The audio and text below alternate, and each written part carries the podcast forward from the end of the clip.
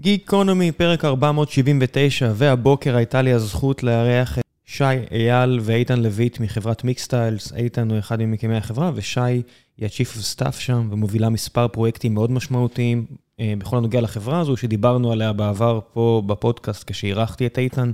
אז דיברנו על הפרויקטים ששי מובילה, שקשורים למוצר חדש שהחברה עומדת להשיק, עציצים חכמים. מה זה אומר, למה הם עשו את זה, מה הפוטנציאל.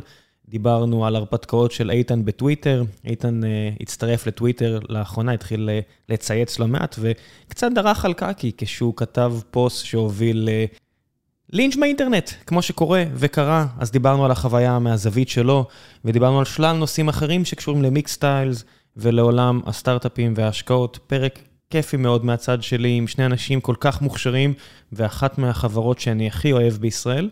ולפני שנגיע לפרק עצמו, אני רוצה לספר לכם על נותני החסות שלנו, והפעם זו אחת מהחברות שאני הכי אוהב לעבוד איתן. זו חברת 2-Sit, מלשון לשבת, 2SIT. מוכרת בצורה מאוד מפתיעה כיסאות. החבר'ה האלה הם מהאנשים הכי מקצועיים, אדיבים ואיכותיים כשזה מגיע לכיסאות ישיבה במשרדים שלכם.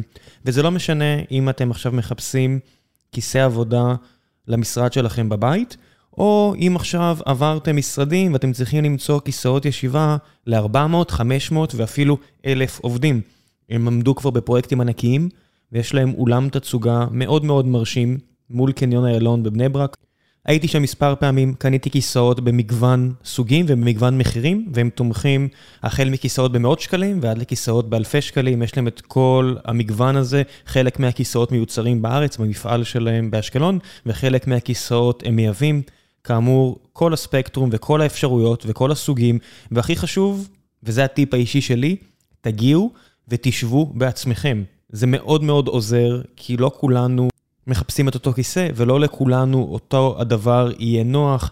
למצוא כיסא שינעים לכם את חוויית העבודה, זה פשוט עולם אחר. קניתי כיסא שלהם לשולחן העבודה אה, בבית, ופשוט כל כך הרבה יותר כיף לי לעבוד עכשיו. אז המלצה אישית שלי, 2-Seat, תגיעו לשם, תגידו שהגעתם דרך גיקונומי, וגם תקבלו הנחה מאוד מאוד יפה לכיסא הראשון שתקנו, יותר מ-20 אחוזים. ועכשיו, לגיקונומי, פרק 479, מקווה שתהנו.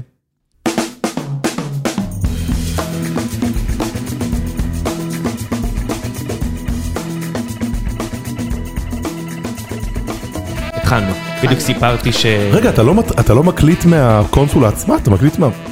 שרמן, what is this black magic? מה אתה עושה פה? אני מקליט מהמחשב. אבל יש, כל הקטע של ה-RODECaster, זה שיש לו כפתור record. זה ראם שרמן, ציס 1984, אנשים אומרים לי, כל הקטע של זה ככה וככה, ואני עושה... רגע, יש לך פה סאונדים חמודים שאפשר לשים? בן אדם, זה הקונסולה של ציון שלוש, אז שלום שי.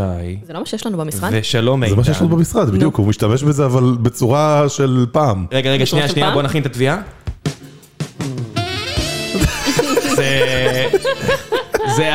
זה הסאונד בציון שלוש למקרה שמשהו, אתה יודע, שמגיעים אחרי שמכבי ניצחו, שחיפה ניצחו, אוקיי. אז יש את הג'ורג' מייקל, כן. ויש פה עוד המון דברים אה, שאתה יכול לחשוב עליהם, שהם מתאימים לרדיו של שנות ה-80. שיאללה. בעיניי זה חינני. אז מה קורה, חבר'ה? אה, ויתרתי על השליטה, קחו. יאללה. איתן, מה אוקיי, אז אה, ברוכים הבאים לגיקונומי. פודקאסט שבועי על סטארט-אפים בעברית, מאת שי אייל, ראם שרמן ואיתן לויט. כן, אז זה לא, הכל טוב, רק אל תפחדו, לא שינינו פורמט, אנחנו לא רק על טכנולוגיה, אבל זה אכן, יום שישי בבוקר ויתרתי על השליטה. הם אמרו לי שהם באו עם אג'נדה, שהם רוצים לדבר על דברים. יואו, לא, שרמן, זה לא מה שאמרנו, רק באנו, אמרנו, יש לנו רעיונות. We pitched you. זהו, אבל הפלת איזה קול, זהו. מה שאני אוהב זה שבאים, כי הרבה בחברות הגדולות, אז מי שדוחף את האורח זה המחלקת PR של הארגון. ואז הם מבקשים להיכנס לחדר, ואני כזה... מחוץ לחדר. רק מזה שאנחנו מחלקת ה-PR של הארגון. מחכה בחוץ. או שאנשים באים עם דפים, מחברות. ואני רואה שהם מכינים כזה, ואז הם דיריילינג את הקונברסיישן לגמרי, ואתה רואה שאני מסתכל לך, הוא עשה scratch רק על שורה אחת מתוך איזה 25 line item, 25. אני לא אעשה לכם את זה. לא, אין לנו אחוזים יותר יפים. כן. כן. רצית להתחיל עם הטוויטר. לא, עזוב, שרמן, אתה הורדת לי את כל ה... לא, לא, איתן, אני חושבת שזה חשוב. מה? בוא תספר קצת על החוויה. אבל לא יודע, שרמן, בוא תשאל אותי שאלות, אני אורח פה, אתה לא יכול להתייחס אליי כאילו אני איזה זה. אולי תציג אותנו כאורחים. בוא נתחיל מההתחלה. תציג. אפשר להתחיל מההתחלה? כן, תתחיל. מההתחלה מתחילים. לא, לא, זה לא באמת, אבל תתחיל. מוחקים את כל מה שאת עכשיו. לא מוחקים כלום, תתחיל. תציג, תציגו אחד את השני. אוקיי, אז אה, אה, אני אתחיל. אה, איתנו היום שי אייל, שלום רב, שלום רב. שלום רב. שי היום מנהלת שלושה פרויקטים אסטרטגיים בתוך Mixtiles, את המוצר ואת ה-brand של, בעצם של המוצר החדש שלנו, של העציצים, Easyplant, ושל פרויקט marketing משוגע, שזה נקרא לחדור לטלוויזיה האמריקאית, לפרסום בטלוויזיה האמריקאית. שפרויקט אסטרטגי שגם מתחיל להיראות טוב. אולי, אני פותח את חמסה. שהוא בצל. חמסה, חמסה, שום בצל. יש לי המון- מה להגיד על זה, אנחנו נגיע סליחה, לזה. סליחה, האמת היא שב-marketing, כמו ב-marketing, הדרך הנכונה זה להיות פסימיים, עד. ממש שזה מגיע למיליון דולר בחודש, טפו טפו טפו, בתקציב, כן? אתה יודע איך זה, אתה. יודע, חצי עובד, חצי לא עובד, אנחנו פשוט לא יודעים מה- איזה חצי, איזה חצי זה חצי, זה החצי. כן. בדיוק. ולפני זה מה שעשית ב-Mixtiles זה היה, Chief of Staff של אה, איתן לוי. ככה בעצם הכרנו, הכרנו, אה, אה, היינו, ישבנו באותו חדר אותו חדר. בכל הפגישות. משרד, אותו שולחן. במשך כמעט שנתיים, על אותו שולחן, עשינו את כל הפגישות בתקופת ביחד, הקורונה בבית שלך. תקופת הקורונה. במטבח. אתה יודע מי- יודעת מי היה Chief of Staff אה, בעברו? לא. המנכ"ל של אמזון, מה אתה אומר? ג'סי. הוא התחיל בתור ה-Chief of Staff של אה, בזוס. אם אני לא טועה, כ-Chief of Staff, שזה אחד התפקידים הכי פחות מוגדרים בהיסטוריה. אמורפי, אה, בטרפת. כן, הוא זה שהוביל לכל המכירות של הדיסקים. הוא, הוא, הוא לקח את אמזון מרק ספרים, והוא הוסיף את המוצר השני, דיסקים. יפה, ה-roadmap כן. המקצועי הזה מתאים לי. בדיוק. בדיוק, כן. בדיוק. ומה עשית לפני Mixtiles? זה רק ש... הייתי הרבה שנים בקבוצת קשת. אה, סיימתי שם, התחלתי ממש אחרי שהשתחררתי מהצבא, וסיימתי בתור אה, המנהלת המסחרית במאקו. את יודעת שגיל הירש, אה, המנכ"ל שלנו, הפנטזיה שלו למנהלות מוצר זה מפיקות ריאליטי. הוא תמיד אומר שהפרופיל הכי טוב למנהלת מוצר זה מפיקת ריאליטי. אני חושב שאפילו ראיינתי אחת והיא לא עברה, אבל זה, הוא תמיד מתאר את זה ברמת המפיקת ריאליטי. וואי, האמת שזה פריימוורק מעולה, ממש. מה, למה? מה- מה יש בפיקות ריאליטי שמתאים לניהול מוצר?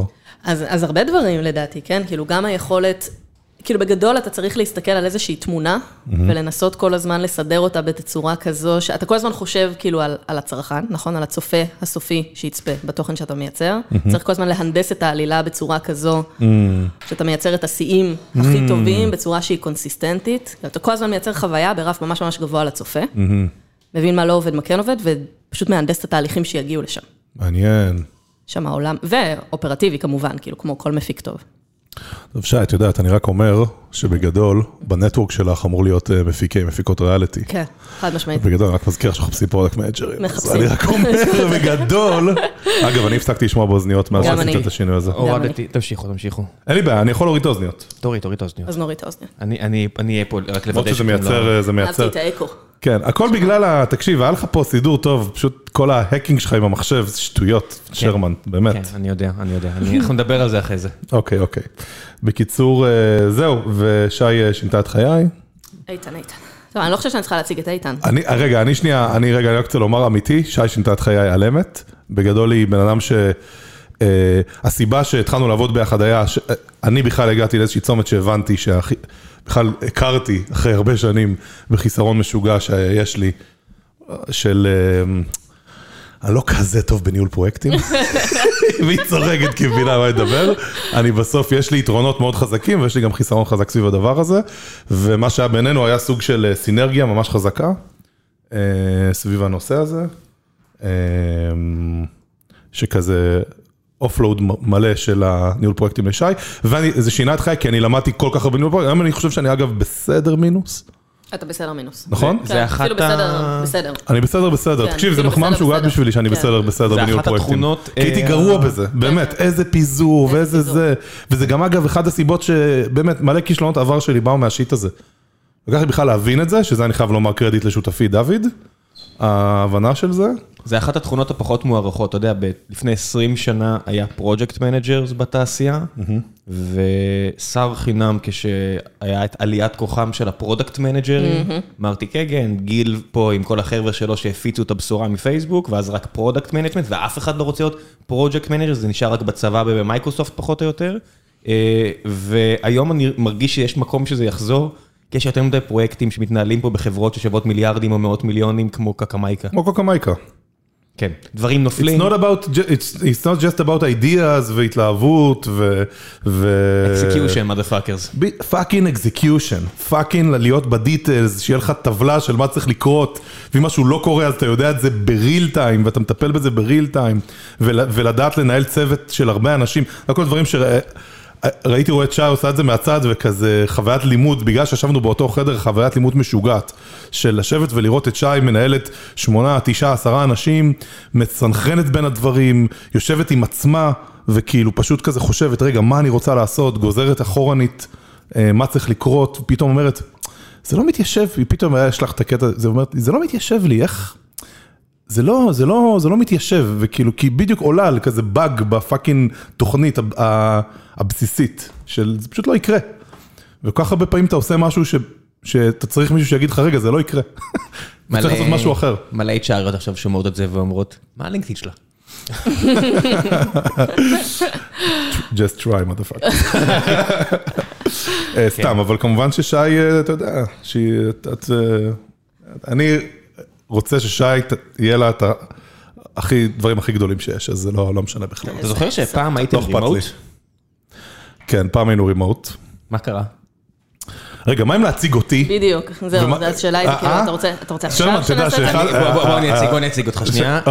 איתן לוי. לא, כי פשוט לא כולם מכירים, אתה- אתה מתייחס לכאילו מכירים, זה אתה גם אתה קצת. לא, מביך. יש גם פתיח. יש גם פתיח. אה, יש פה, אה, שאתה. עושה כזה את הזה, אה, ציינתי אה. אותך בפתיח. אה, אז אוקיי, בסדר. אוקיי.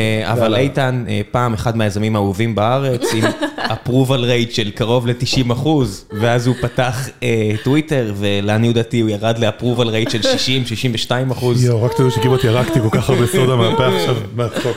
כן. אה, שמע, פעם אהבו אותי בארץ. כן. כן.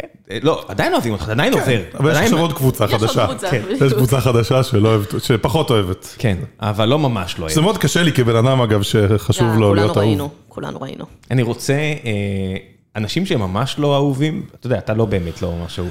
יש אנשים שממש מעוררים שנאה בארץ, וזה זה מעניין אותי, נגיד אמרתי לך שבנימין נתניהו היה אמור להגיע, ואחת השאלות שממש הייתי רוצה לשאול אותו זה, איך אתה חי עם זה שיש כאלה שאוהבים אותך ויש כאלה ששונאים אותך? אתה יודע, אותי ואותך, ואת שי, אני מניח, אף אחד לא שונא, ואם כן, זה מעט מאוד מאוד מאוד מאוד אנשים. אז בואו אני אעשה לך את התשובה. אז אה, אני אגיד לך, אה, ראם, מה שמעיר אותי בבוקר זה באמת האנשים הנפלאים. שאוהבים.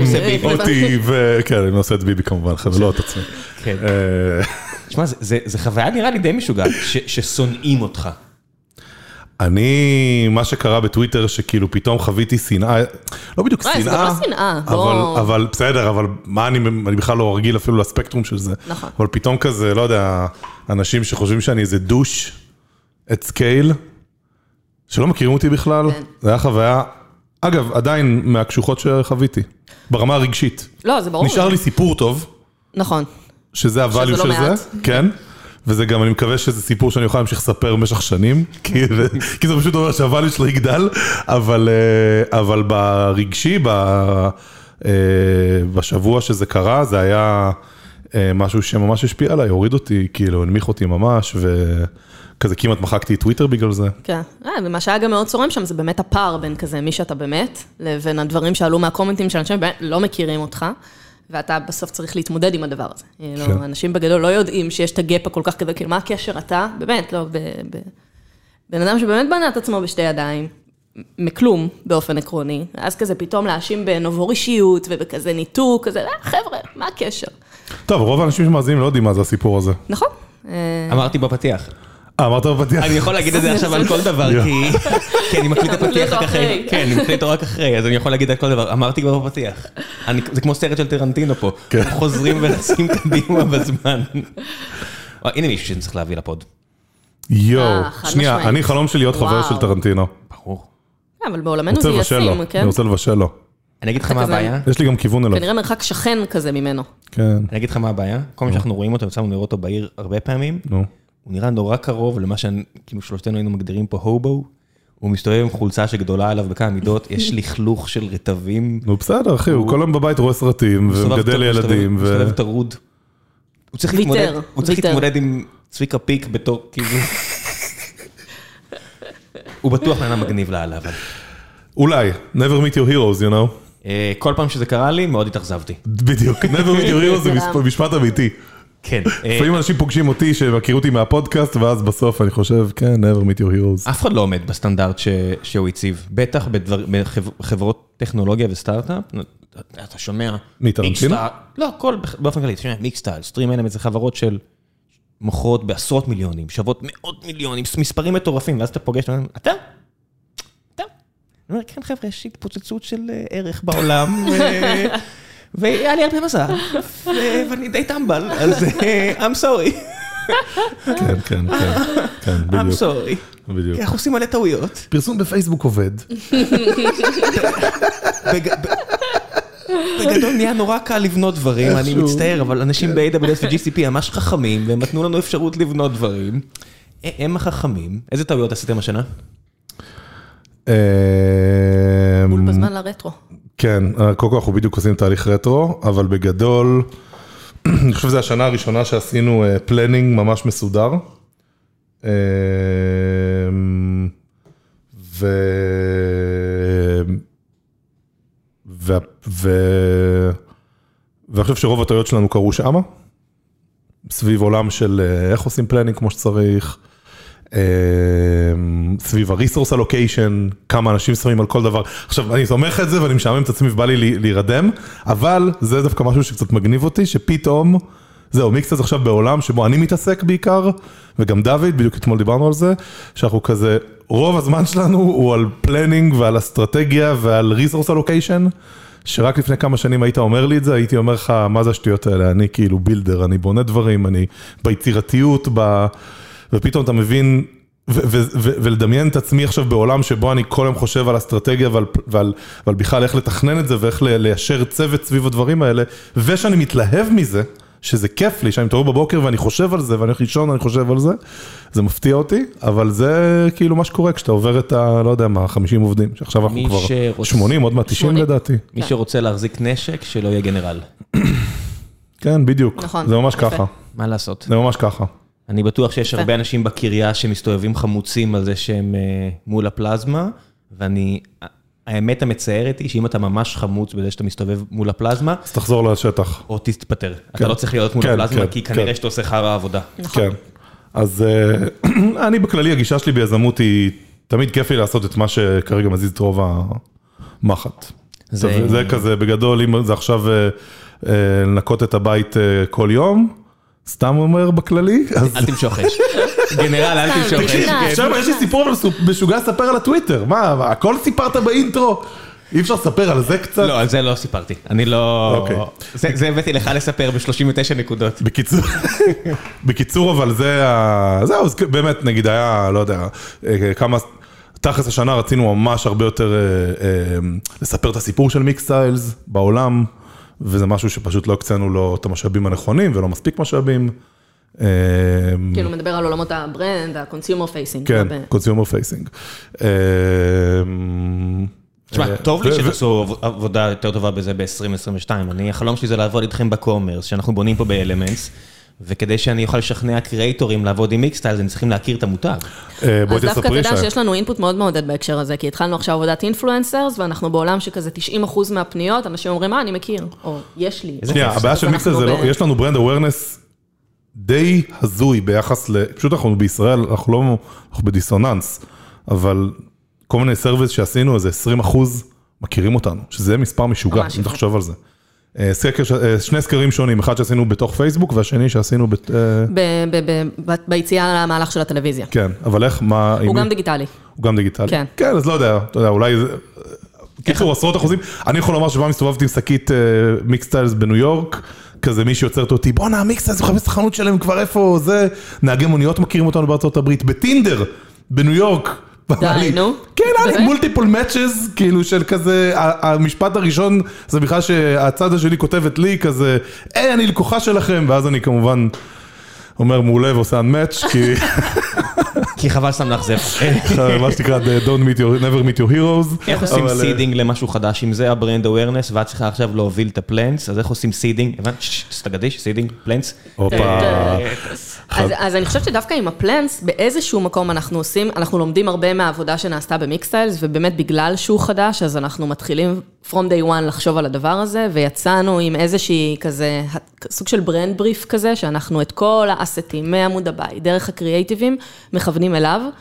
אה, סוג, כאילו, בגדול בשביל לשלוט בנרטיב, זאת אומרת, לא מספיק לנו בסוף שיכירו את Easy Plant, מה שחשוב לנו זה שכשיחשבו Easy Plant, יחשבו צמחים שלא מתים. כאילו, צללתי כבר במוצר. לא, שזה בדיוק ה... כן. שזה בגדול ה mission. זה ה mission שלנו. כאילו, אם אנחנו מדברים על ה vision, אז שתצליח למלא את הבית שלך בצמחים שלא מתים. למה? בגלל ה value האדיר שזה מביא. עכשיו, יש בתוך זה הרבה מאוד talking points שאנחנו אוספים, ואיך אנחנו רוצים להיראות ברמה הוויזואלית, אבל ברגע שאתה מלכד את זה להנה ה brand brief שלי, אז אתה נותן לאנשים אחרים שמייצרים את הקריאייטיבים, בין אם זה influencer, בין אם זה סוכנויות, בין אם זה פנימית בתוך הצוות, משהו to align לפיו. עכשיו, כאילו, מה שלמדנו זה שזה צריך להיות מספיק tight ומספיק clear, בשביל שבגדול ה vision הזה גם יהיה בסוף, תהיה לו יכולת גם להגדיר roadmap מוצרי, לצורך העניין. אז זה לא סתם סיסמאות, זה אומר שאנחנו צריכים לוודא מול ה-roadmap והפיצ'רים הבאים שנפתח, שהם באמת פותרים את הדבר הזה של צמחים שלא מתים, ואם לא, אז זה priority נמוך יותר. איך הגעתם לזה? זאת אומרת, אני זוכר שהלכתי איתך ב- ב- באחד הפארקים פה, והוא סיפר לי על העניין הזה, זה היה איזה 2018. אמר לי, תקשיב, אנחנו נכנסים למשהו חדש, אל תספר, באמת לא סיפרתי לאף אחד. דוד ואני אה, חושבים על זה, ו- והייתי בטוח שאתה עובר את צנטוט עצבים. כאילו, הלכתי איתך, ו- וחשבתי כאילו... שם, אתה יכול פעם בא להגיד לי את זה בלייב רק? כי אולי זה היה פידבק טוב, אני לא יודע. אני- לא, אתה יודע, אני... דברים שצריך ללמוד מהם. שתיים will tell. כן. כשבאים יזמים, אתה תמיד יודע שרעיון אין שיט, זה רק הביצוע. אבל שמה, אמרתי לעצמי, מה הם עושים? אבל הייתי בשקט, כי נכנסת לעומק והתחלת לספר על איך אתם אשכרה הולכים לבנות את זה. כן. והתוכניות, ושדוד כבר, יש לו שרטוט של 2 על 2 במטרים, על זה שהוא כבר עם קווים וחצים כן. ועיגולים על איך זה יעבוד. כן. אמרתי, אני סומך עליהם, אתם, כן. את, אתם יודעים את העבודה, אז אני כבר מחכה לקנות את העציץ. כן. אבל אז שוב חזרתי, אבל זה עציץ. כן. התחלתי לחשב, אתה מדבר, ואני חושב בראש, משהו לרווח פה, מה יש בעציץ? אבל עציץ חי מלא שנים, זה לא כמו תמונה שהילד גדל ואני רוצה עוד תמונה שעכשיו הוא גדל יותר. כן. עכשיו כבר יש לו יותר, לא יודע מה, שיער, נמשים, וואטאבר. בעציץ, במקרה שזה טוב, זה, זה כאילו הוא שם. במיוחד עציץ שלא מת. במיוחד עציץ שלא מת. כן. הגודל של... אתה יודע, זה לא איקאה. איקאה, שאתם, יש לכם איזושהי יומרה לכם ולעוד חברות שאני מאוד אוהב בארץ. fuck, לא הראינו לשרמן את הדמו. אוי אוי אוי. איזה באסה. אתם רוצים לשים בדף הפרק משהו? לא, אנחנו לא, רוצים להראות לך. רוצים רוצים להראות לך את מה שאי אפשר לדבר עליו. אז אני אשמח. אה, אבל כשאתם באים לאיקאה, איקאה לא ידועים בכך שמייצרים רהיטים שלא מתים. להפך אפילו.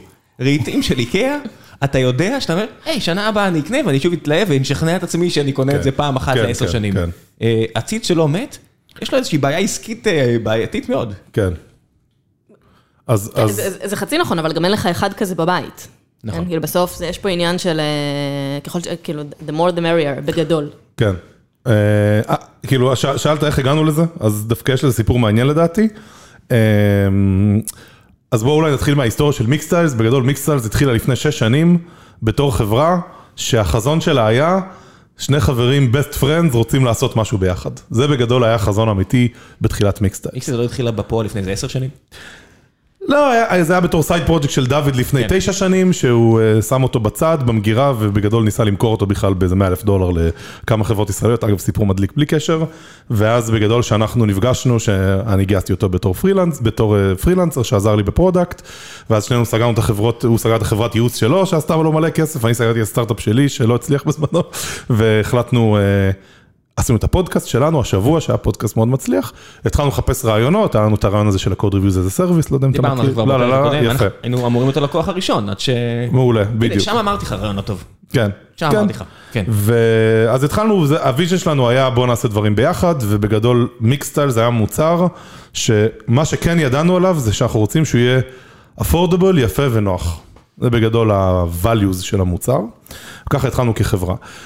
כשמיקסס כבר הגיע לכמה מיליוני דולר הכנסות בחודש, אז הבנו שאת ה-value של וואלה, דווקא להגדיר שנייה, אנחנו רוצים לקחת את כל השיט הזה, אה, ומשם יצא, אני חושב שמה שאנחנו היום רוצים לעשות, שבגדול, מה אני מאמין? אני מאמין שבית יפה זה אחלה דבר, ממש אבל. כאילו, בית שהוא מעוצב ממש, זה משהו שאתה מתעורר אליו בבוקר, אה, כל בוקר, זה משהו שאתה כל ערב חוזר אליו, כזה נרגע ממנו מעבודה. בית יפה זה משהו שגורם לך לרצות להזמין את ההורים, את הילדים, אה, את, ה- את החברים. הילדים שלי מזמינים הרבה יותר חברים מאז שהבית שלי יותר יפה. זה משהו שהוא אולטרה valuable, לא סתם איקאה מוכרת ב-30 מיליארד דולר, כי זה בשנה, כי זה כאילו... בדעה אנשים ש- מוציאים על זה ארגזים של כסף על עיצוב פנים, יפה וזה תחום שכמעט ולא ראה disruption. יפה, זה שווה טוב, והרבה אנשים רואים בזה משהו רדוד, אני להפך, אנחנו בני אדם, אין-. להתכחש ל- ל- להיותנו בני אדם, ושמשהו זה- זה- יפה ונעים ו- ו- וטוב, זה לא משנה אם זה השכונה שלך, או הבית שלך, זה פשוט עדיף. אז בוא ניקח את זה כאקסיומה. בוא נגיד. בעולם הסטארט-אפים דיזיין הוא כבר משהו שהוא, יש עליו, מבינים את הערך שלו, לדעתי סטיב ג'ובס לדעתי היה מי ששכנע את כולם בזה, ועכשיו כל חברה מנסה לעשות דברים ממש יפים, והנה אני רואה פה את הגוגל פון שלך עם הכיסוי היפה, גם הם אפילו. בקיצור, למה מבלבל לך את השכל על כל הדבר הזה? כי אם אני צריך לסכם מה אנחנו עושים במיקס סטיילס, אנחנו מנסים שלכמה שיותר אנשים יהיה בתים ממש יפים, ושזה יהיה פשוט, ושזה יהיה אפורדבול. ומהמקום הזה, בסוף אמרנו, הרבה אנשים נגיד דחפו אותנו לעשות אלבומי תמונות, כי אמרו, אתם חברת פרינט, ואמרנו להם, זיבי, אנחנו לא חברת פרינט, לכו הביתה, אנחנו חברת fucking עיצוב פנים. עציצים זה ביחד עם תמונות, זה שני easy wins משוגעים, שכאילו קח כל חלל, אגב, ספציפית שרמן, החלל הזה אני חייב לומר, אנחנו עוברים מסעד. נדרש. צריך, נדרש. הנה, אבל דמיין שנייה את החדר, החיוור והנורא הזה. בגדול חדר אה, עינויים של השב"כ שאנחנו יושבים בו. אה, אם עכשיו הייתי מרפד לך פה את הקירות ב- בתמונות מגניבות, ושם פה איזה חמש, חמישה, שישה עציצים. ועוד איזה שניים על השולחן, עזוב, היינו ב-vibe, מה זה כיפי, זה היה ממש משדרג אותו, ובלי להביא אנשי מקצוע שמתקן, ש, שצריכים לעשות אינסטולינג, כן? זה ה... אז, אז בגדול מיקסטיילס, כאילו כחברה, יש לה עכשיו את מיקסטיילס, התמונות custom, יש לנו את מיקסטיילס art, ויש לנו עכשיו את העציצים, אז כבר יש לנו איזה easy win משוגע בלאפשר לאנשים שממש מקדם אותנו לעבר החזון הזה, וכבר יש מיליוני אנשים שממש שדרגו את הבית שלהם בעזרת מיקסטיילס. ויש לנו את הצעד הבא שלנו, שהוא עוד יותר, שהוא כזה עוד יותר שאפתני ועוד יותר משוגע, ואני עוד מעט אראה לך דמו שלו, אבל... אי אפשר לדבר עליו? אה, כאילו, האמת, האמת היא שהוא, הוא, אני אגיד לך מה הוא מנסה לעשות, הוא מנסה אה, לרהט לך את כל הבית מהטלפון במכה, ובממשק שהוא מאוד שונה מממשק e-commerce רגיל. אה, וכמובן, tons of machine learning ו- ו- ו-tons of operations אגב, כאילו בגדול כזה, זה יותר יהיה דומה לוולט ולאובר מלהאוז או whatever. אני חושב שיש הרבה מאוד חברות עכשיו מלבדכם שמבינות את הפוטנציאל של זה, מפלייטיקה שקנו עכשיו רכישה מאוד משמעותית בתחום, שאתה אומר מה הקשר לפלייטיקה ולתחום הזה, כי יש שם מלא פוטנציאל, ולרוב האנשים בעולם יש סלון. ואני באמת מאמין אגב שבסוף איקאה הוא מתחרה די מגניב לסטארט-אפים מהסיבה הבאה. לאיקאה יש את החנות שלהם שהיא fucking אה, פלא עולם, כן? לא יודע אם אתם מודעים לזה. כשאיקאה מצליחים להביא בעם לחנות, ה-average order value הוא פסיכוטי.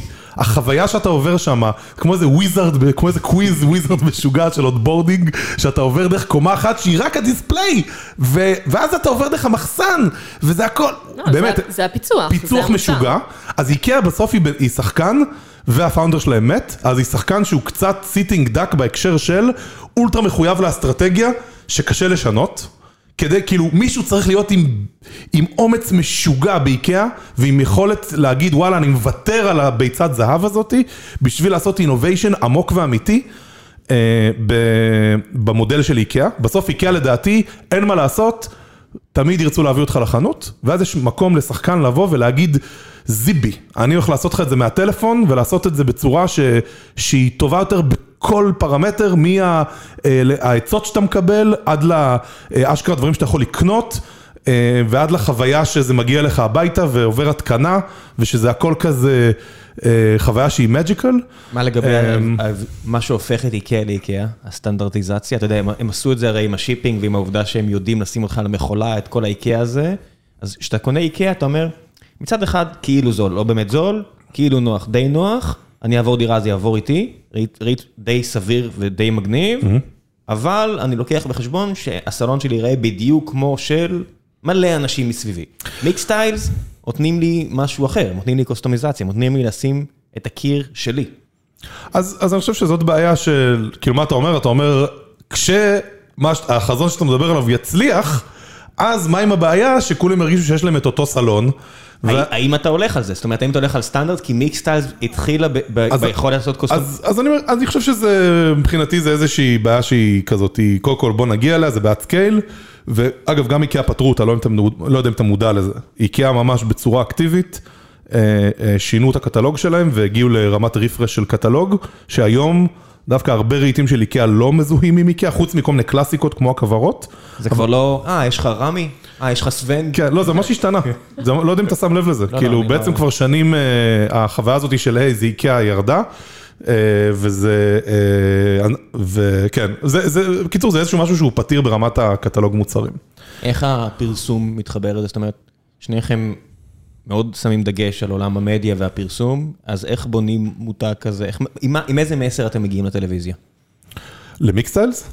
תגידו לי אתם, מה, מה יש ב-2022 בטלוויזיה האמריקאית? אז אה, עם מיקסטיילס, כרגע שוב, אנחנו לא, את החזון הרחב שאיתן אה, דיבר עליו עכשיו, אנחנו עוד לא מתקשרים בצורה שהיא זה, ויותר מזה, יש עכשיו החלטה מודעת שהברנדים גם לא מדברים ביניהם, שזה משהו שיכול להיות ש, שנחשוב עליו בעתיד, אבל כרגע יש את איזיפלנט ויש את מיקסטיילס.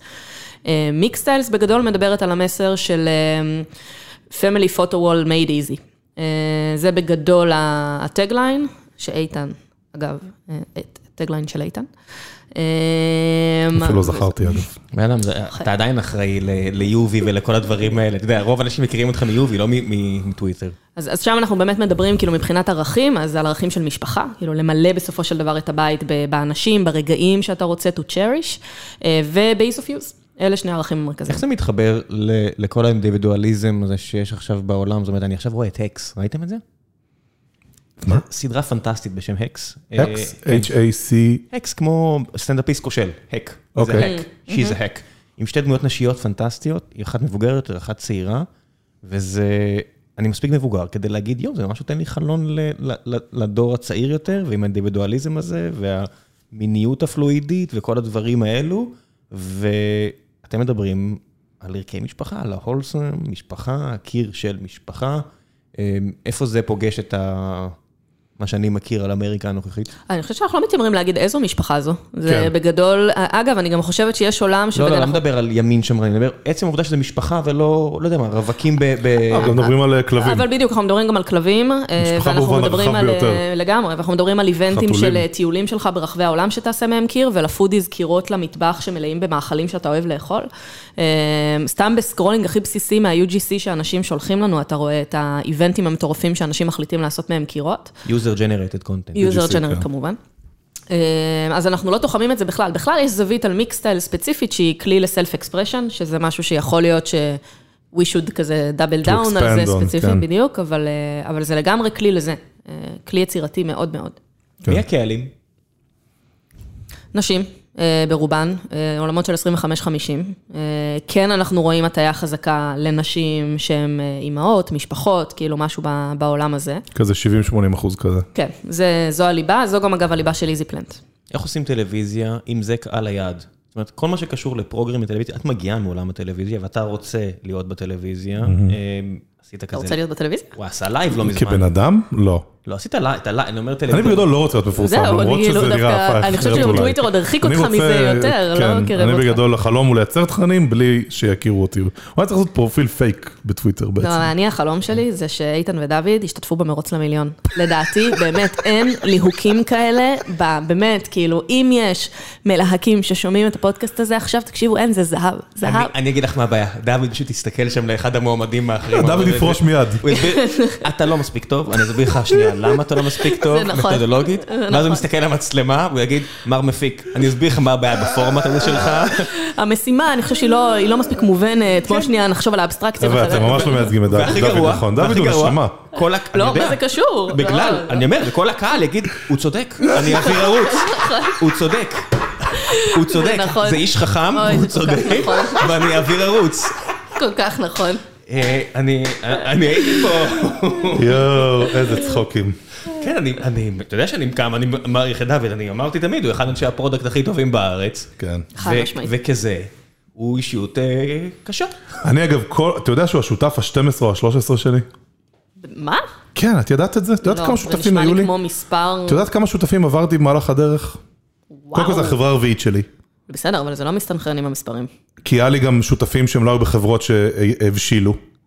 וחוויתי כל כך הרבה, כאילו אגב, נגמר עם, חוץ משותף אחד לדעתי, נגמר עם כל השותפים שלי אחלה. אמ, פשוט לא, לא עבד, בעיקר לי כזה, לא היה חזק. ודוד זה כזה fucking יצא לנו שאנחנו גם best friends, באמת, איזה פוקס. אני כל כך, אה, כן, כאילו כן. מה שתכלס, אה, הנה מה שרציתי לומר תכלס זה ש... כאילו זה כזה מרגיש שבאמת בר מזל, שוואלה, באמת חברים טובים. גם אחרי הרבה שנים של שותפים כבר, זה לא כזה, הנה, את ראית מהצד, זה... זהו, רציתי להגיד שכאילו בתפקיד של אה, של ה-Chief of Staff, אתה רואה את כל הרכבת הזו, את הגבהים הנורא גבוהים ואת הנמוכים הכי נמוכים שיש, ומשהו בקשר ביניכם, כזה, אה, לפעמים הוא קצת שייקי, כן, אבל בסוף הוא שורד הכל. כן, וזה זה מדהים זה הגב לראות. בסוף, תמיד כל כך. אותנטי ופתוח, ובלי, באמת, זה כאילו מהשיעורים הלא מקצועיים, אה, גרדה כזה, לא, לא, לא הקורס של ה-MBA, אבל כנראה השיעורים הכי חשובים, אז לראות את זה מהצד, זה, זה מדהים. מה שאני חושב בדוד זה המחויבות האמיתית לאמת ולאותנטיות ולפתיחות ו... אני חושבת שאבל אתם שותפים לערכים האלה, וזה מה שגורם לזה לעבוד. כאילו, אתם בסוף באים מאותו סט של ערכים. אני אני מחפש איזה אפקט. עוזר לפתור את כל ואפשר לשים פה ה... איזה מוזיקה דרמטית ברקע של... משהו- דביק כולו. זה סירת אהבה. או זה או רעש של אה, אה, רעש- אה, רעשי גוף. אני שם פה. שנייה, נעשה רעש של רעשי גוף, לא, זה ציון שלוש תכף הקלט פה, זה זה לא יהיה זה. אז בכל זאת, איך מגיעים לטלוויזיה? סוגר סוגריים מלפני 12 דקות שבו שם. אה, אז קודם כל, זה, אני עושה, אנחנו היום ב linear TV, CTV זה משהו, כאילו העולם של ה-Connected TV זה משהו שאנחנו ניכנס אליו אה, בהמשך הדרך, אה, וזה גם המקום אולי להגיד שברמת הצוות שעובד על זה, אז יש את אה, נועם, שהוא ה-VP performance marketing של מיקסטיילס, ואת מתיאס שמוביל את ה data, אה, והייתה המון המון המון עבודת הכנה בעצם לסוגיה, כזה, ללהיכנס לטלוויזיה, פשוט כי להבדיל מערוצים אחרים, זה לא מאוד אקספרימנטלי, אתה צריך לשים תקציב מאוד משמעותי בשביל to test את הערוץ הזה. אמ, איך נכנסים ברמת media plan? קודם כל, בגדול, המזל שלנו זה שיש לנו קורלציה מצוינת לקהלים האבסולוטיים של ה linear TV. זה לא שאנחנו עם איזה תת סגמנט של אנשים מאוד אה, זה, וידענו שהטלוויזיה תמלא לנו גם חללים בקהלים מבוגרים יותר, שפייסבוק בתור הערוץ המרכזי שלנו לא פוגש אותם. ואם פוגש אותם זה נורא יקר. ואם פוגש אותם אז זה נורא יקר, כן, כנראה גם לא מאוד מאוד מאוד סקלבילי, לעומת הליניאר TV, שבסופו של דבר זה, זה עדיין קהל הליבה. זה איתם עד שהם ימותו. כן. למה זה נקרא ליניאר טבעי, את יודעת? כאילו, בדיוק. נכון, שאלה מעניינת. בדיוק. ליניאר טבעי זה בגלל שאתה לא יכול, זה לא VOD, זה ההבדל מ-VOD. אה, נכון, שאתה כן, לא נכון. יכול, זה ליניארי, נכון, נכון. אתה מתחיל וממשיך, כדי לתפוס את התוכנית. זה רץ. זה אשכרה יש מזל. אה, יש! יש את תפסתי הסרט את הזה. סיינפלד, כן. תפסתי את הסרט הזה והזה, כי ואתה זה אומר... ליניארי. כן, ליניארי, אה. ידעתי. אה, נכון. המציאות הנוכחית מחקה לך 30 ומשהו שנות קיום. שנייה, אני אין לי טלוויזיה בבית כבר איזה, בגדול מאז שעזבתי את הבית של ההורים שלי לפני אה, אבל אתה מבין שזה... לא, 12 שנה. אבל אתה עדיין צופה בתוכן, פשוט לא בתצורה שהיא... גם מעט מאוד תוכן אה, טלוויזיוני רגיל. אבל בטח שלא ליניארי, כי אין לו יותר גישה. נכון. נכון. אבל זה, כשאנשים אומרים לי נקודה סינגולרית ומתי היא תגיע, אני אומר, ברוכים הבאים. כל שנה שעוברת, המציאות לפני כן נמחקה. אתם לא זוכרים מה זה עולם שבו אתה הולך ברחוב, ולא כולם עם הראש במסך. כן. אין, אתם לא זוכרים את זה. כל ילד שנולד עכשיו לא ידע מה זה המציאות הקודמת. זה אין מה ללכת לדברים האלה של טלפון חוגה. לא, דברים מלפני חמש שנים כבר לא קיימים. אני חייב לומר, אחד הדברים שמעניינים, שכאילו, בסוף שי אה, אה, את הפרויקט הזה, ואני כזה הייתי מייעץ, ביחד כמובן עם קירש ומתיאס, אה, אבל אחד הדברים שכזה, ב- לדעתי בחודש הראשון של הפרויקט, אז הצגתם אה, מצגת, נכון? שבגדול תיארה את ההזדמנות. למה, למה כדאי לנו בכלל לעשות טלוויזיה? מצגת מדהימה אגב. אה, הזכירה לי גם את משנתו של גיל הירש, מנכ"ל סטרים אלמנטס, על מצגות אופרטיוניטי. ובקיצור, אחד הסליידים שם, שהיה ממש מרתק, שני סליידים שהיו ממש מרתקים. אחד זה לראות את שוק הפרסום בארצות הברית על ציר זמן, ואתה רואה איך פעם זה היה טלוויזיה, פרינט, רדיו, בתור הערוצים הגדולים, ואז אתה רואה את העלייה של הדיגיטל, ואת הקריסה הפסיכית של פרינט ורדיו. ואת זה שטלוויזיה יורד, אבל, אבל מעט. כלומר, טלוויזיה זה עדיין בגודל עכשיו של דיגיטל, כאילו בניגוד לרדיו ו- ופרינט שקרסו, פשוט קריסה, איכשהו טלוויזיה ש- שורד את הדיגיטל, זה לדעתי הדאטה פוינט ממש מעניין ברמת הניתוח הזדמנות. ואני גם אוסיף לזה שאחד מהשקפים, אגב, אני אפילו לא בטוחה אם שמנו אותו בסוף בנספחים או שהוא נשאר, זה הקרדביליות הנתפסת של הערוץ. נכון. שזה מדהים, ההבדלים בין אה, טלוויזיה, כן. ורדיו, אגב, לבין היתר. אה, נכון. שזה mind blowing, כאילו איך בסוף. בוחרים? רגע, שנייה, והשקף, וה data point השני היה שמתוך ה-20 מפרסמים הכי גדולים בפייסבוק אה, e-commerce, אה, שאנחנו ביניהם, בכל העולם? בום, בארצות הברית. US. בום! רגע, אבל אנחנו ב top 500 ה global, נכון? כן, בום! לא e-commerce, לדעתי כללי. זה אה, שאלה בבאם, איפשהו עכשיו יש. אקאונט מנג'ר בפייסבוק שעשיתם לו את הבונוס כזה לעצמו. נכון. דני, מה קורה? בקיצור, אה, אה, אז אה, אז מ- ב- ב- מתוך ה-20 חבר'ה שמפרסמים הכי הרבה בפייסבוק ב e-commerce בארצות הברית, 18 מפרסמים גם בטלוויזיה, אמת. שזה fucking מעניין. ב- בסקיילים ובספנדים דומים למה שהם שמים בפייסבוק. כן. שזה ה- ואז אתה פתאום קולט שאתה אומר, fuck, רגע, בגלל מתוך שאנחנו איזה... 20-18? כן. אז זאת אומרת זה רק אתם ועוד מישהו שלא פרסמו עדיין? כאילו, לא עשינו בניתוח את עצמנו, אבל בגדול כן. כן. ואז אתה פתאום קולט שמה קורה, אנחנו פרחחים ישראלים פה, יושבים לנו ברוטשילד מבסוטים מהשדרה, אנחנו בכלל לא מבינים שיש פה איזשהו אירוע אמיתי שקורה, כי אנחנו לא רואים אותו ביום יום, כמו שאנשים בארץ לא מכירים את מיקסטיילס, אנחנו גם לא מכירים את העוצמה של טלוויזיה לחברות אה, סטארט-אפ ו e-commerce בארצות הברית. ו... וזהו, וזה היה, זה היה שני data פוינטים משוגעים שממש עזרו לנו לבוא למהלך של הטלוויזיה ולהשקיע בו כמעט שנה שלמה וארגזים של כסף, כמעט לגמרי. יהיה מיליון דולר בסוף, אפילו יותר, כבר לדעתי, יותר, כבר כן.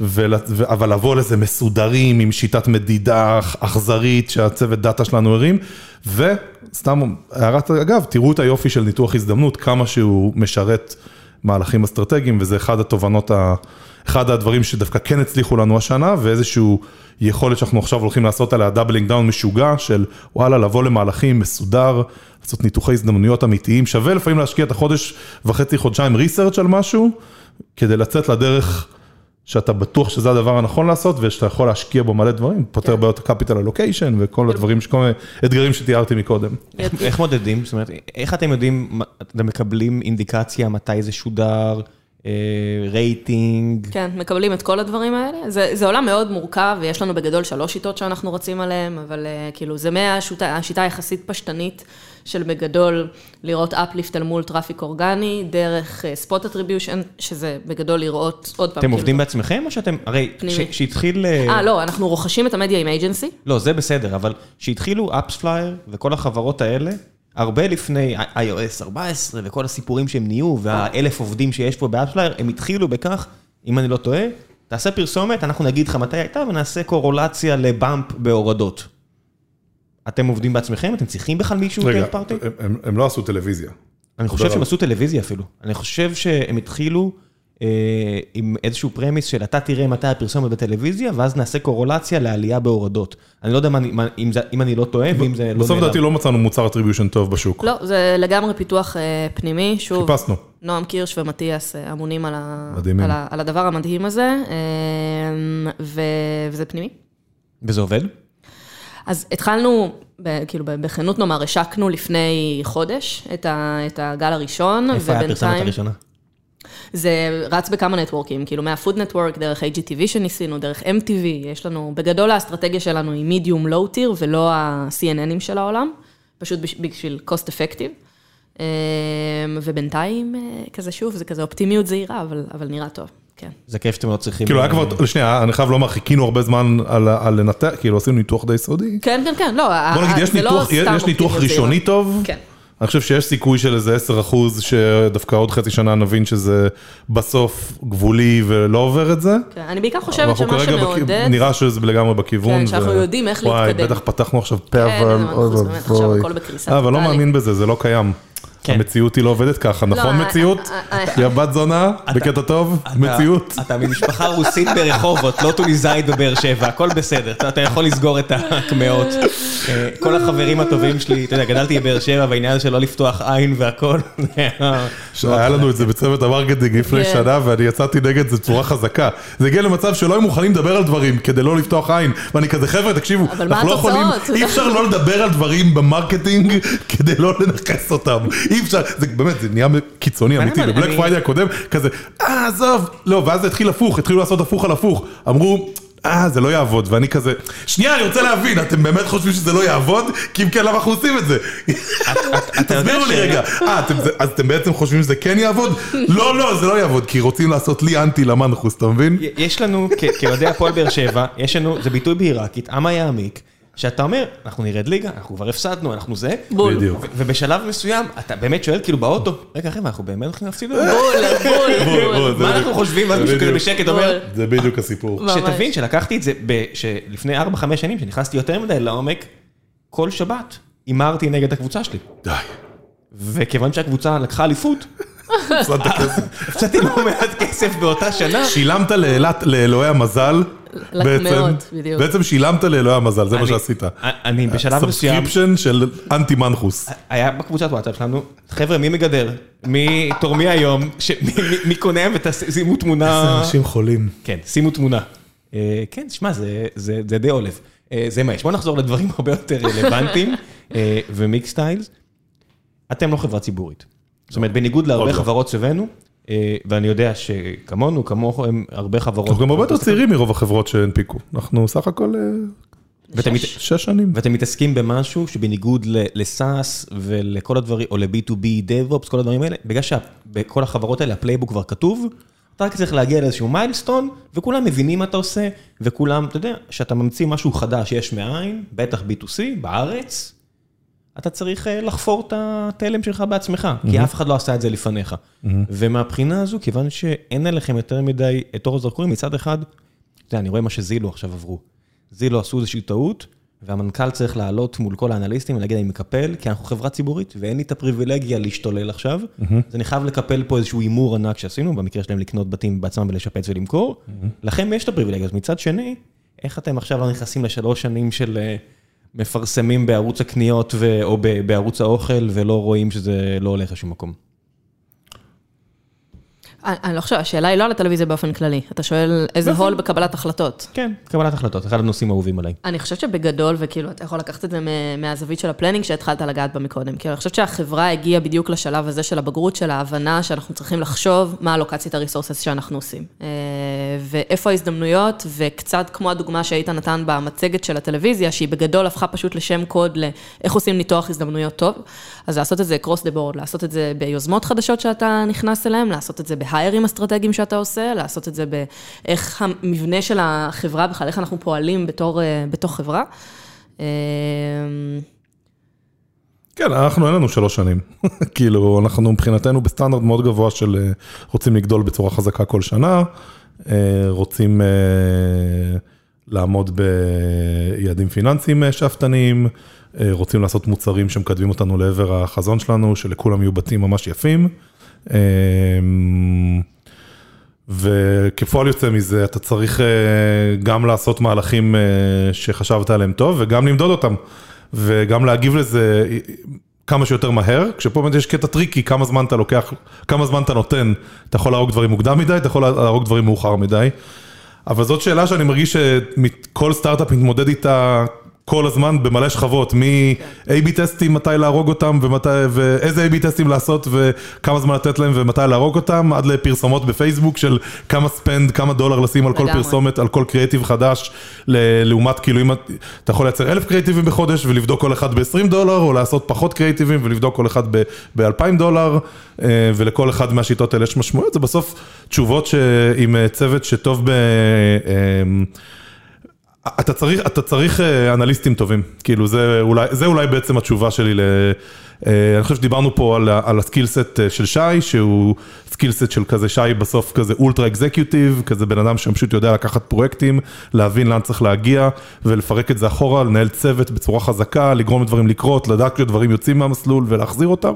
זה כזה איזשהו skillset אחד שהוא ממש חשוב. אני חושב שיש עוד skillset של קבלת החלטות אסטרטגיות, ש, ששמה...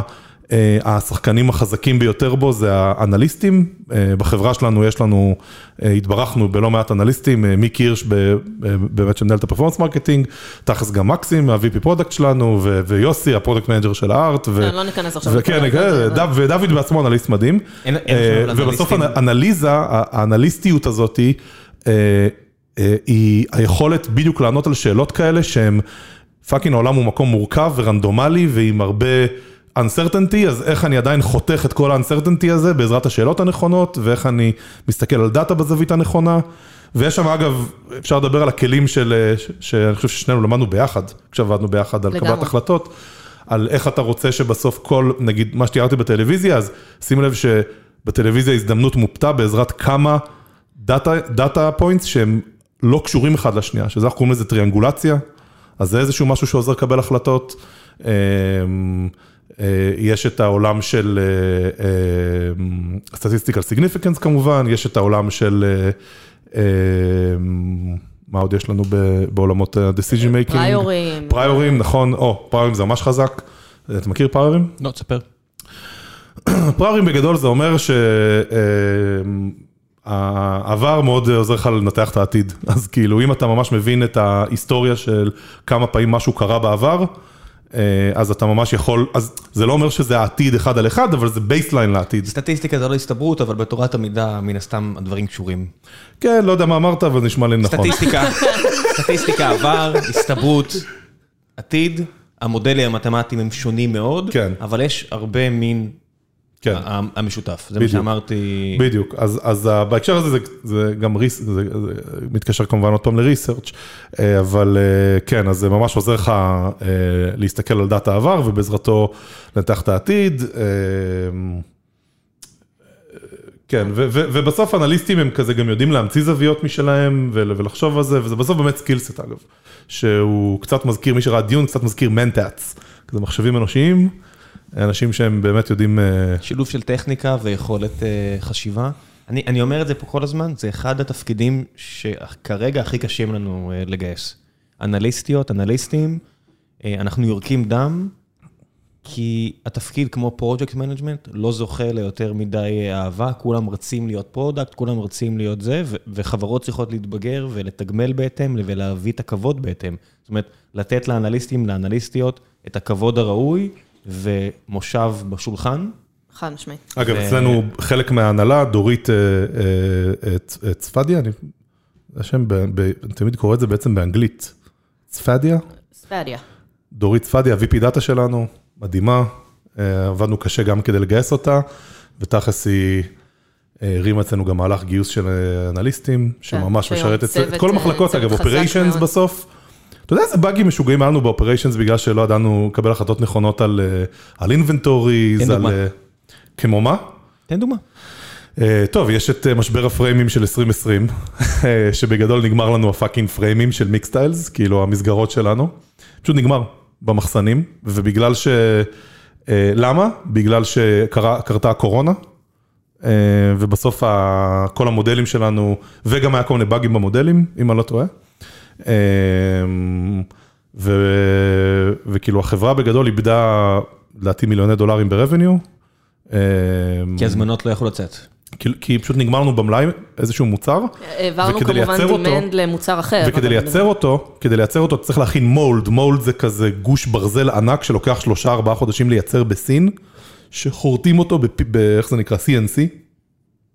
וזה דבר שמזרימים לתוכו פלסטיק, ואז כזה בקצב משוגע כזה פאק, פאק, פאק, וכל פאק כזה הוא מייצר פריים. עכשיו היה לנו כמה כאלה, אבל לא היה מספיק כדי לעמוד בקצב.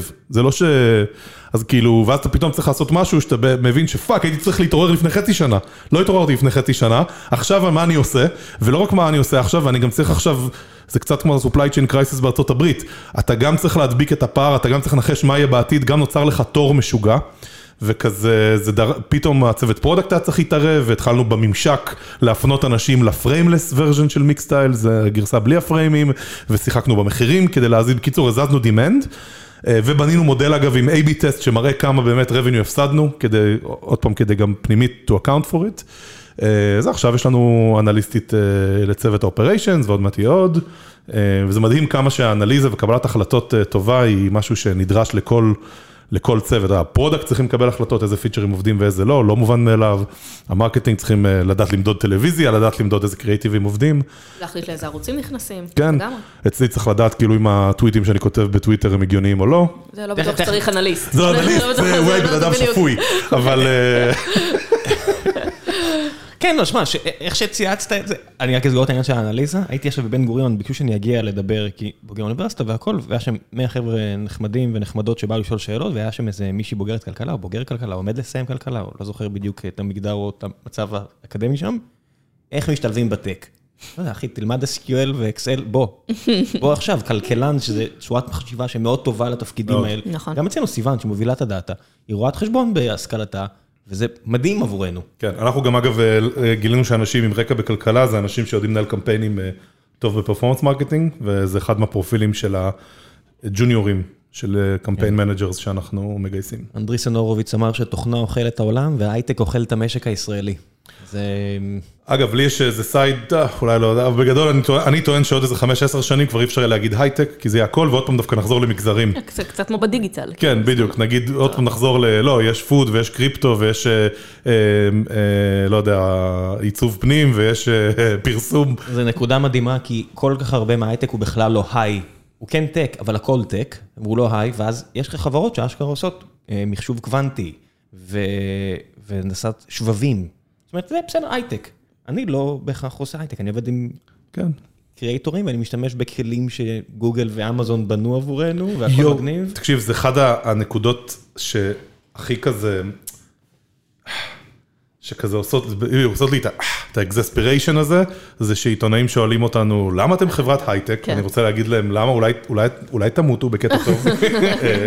סתם, אני אוהב אתכם בקטע טוב. עומרי זרחוביץ', אל תקשיב, אנחנו אוהבים אותך. אנחנו אוהבים אתכם, אוהבים אתכם, אבל לא, כאילו, למה חברת הייטק? אולי כי כולם fucking מתכנתים, וכולם, ואנחנו fucking גדלים ב... לא יודע, היעד שלנו זה להכפיל את עצמנו כל השנה, ואנחנו רוצים להשתלט על העולם, ואנחנו ב playbook, כאילו, באמת, כזה, מה לא הייטק בנו? זה שאין... ויש לנו Machine Learning תכלס, ויש לנו כאילו, באמת, יש לנו בגדול את כל ה... חוץ מ-NFTs וקריפטו, יש במיקסלס הכל, אבל איך תסביר להם ש... ש...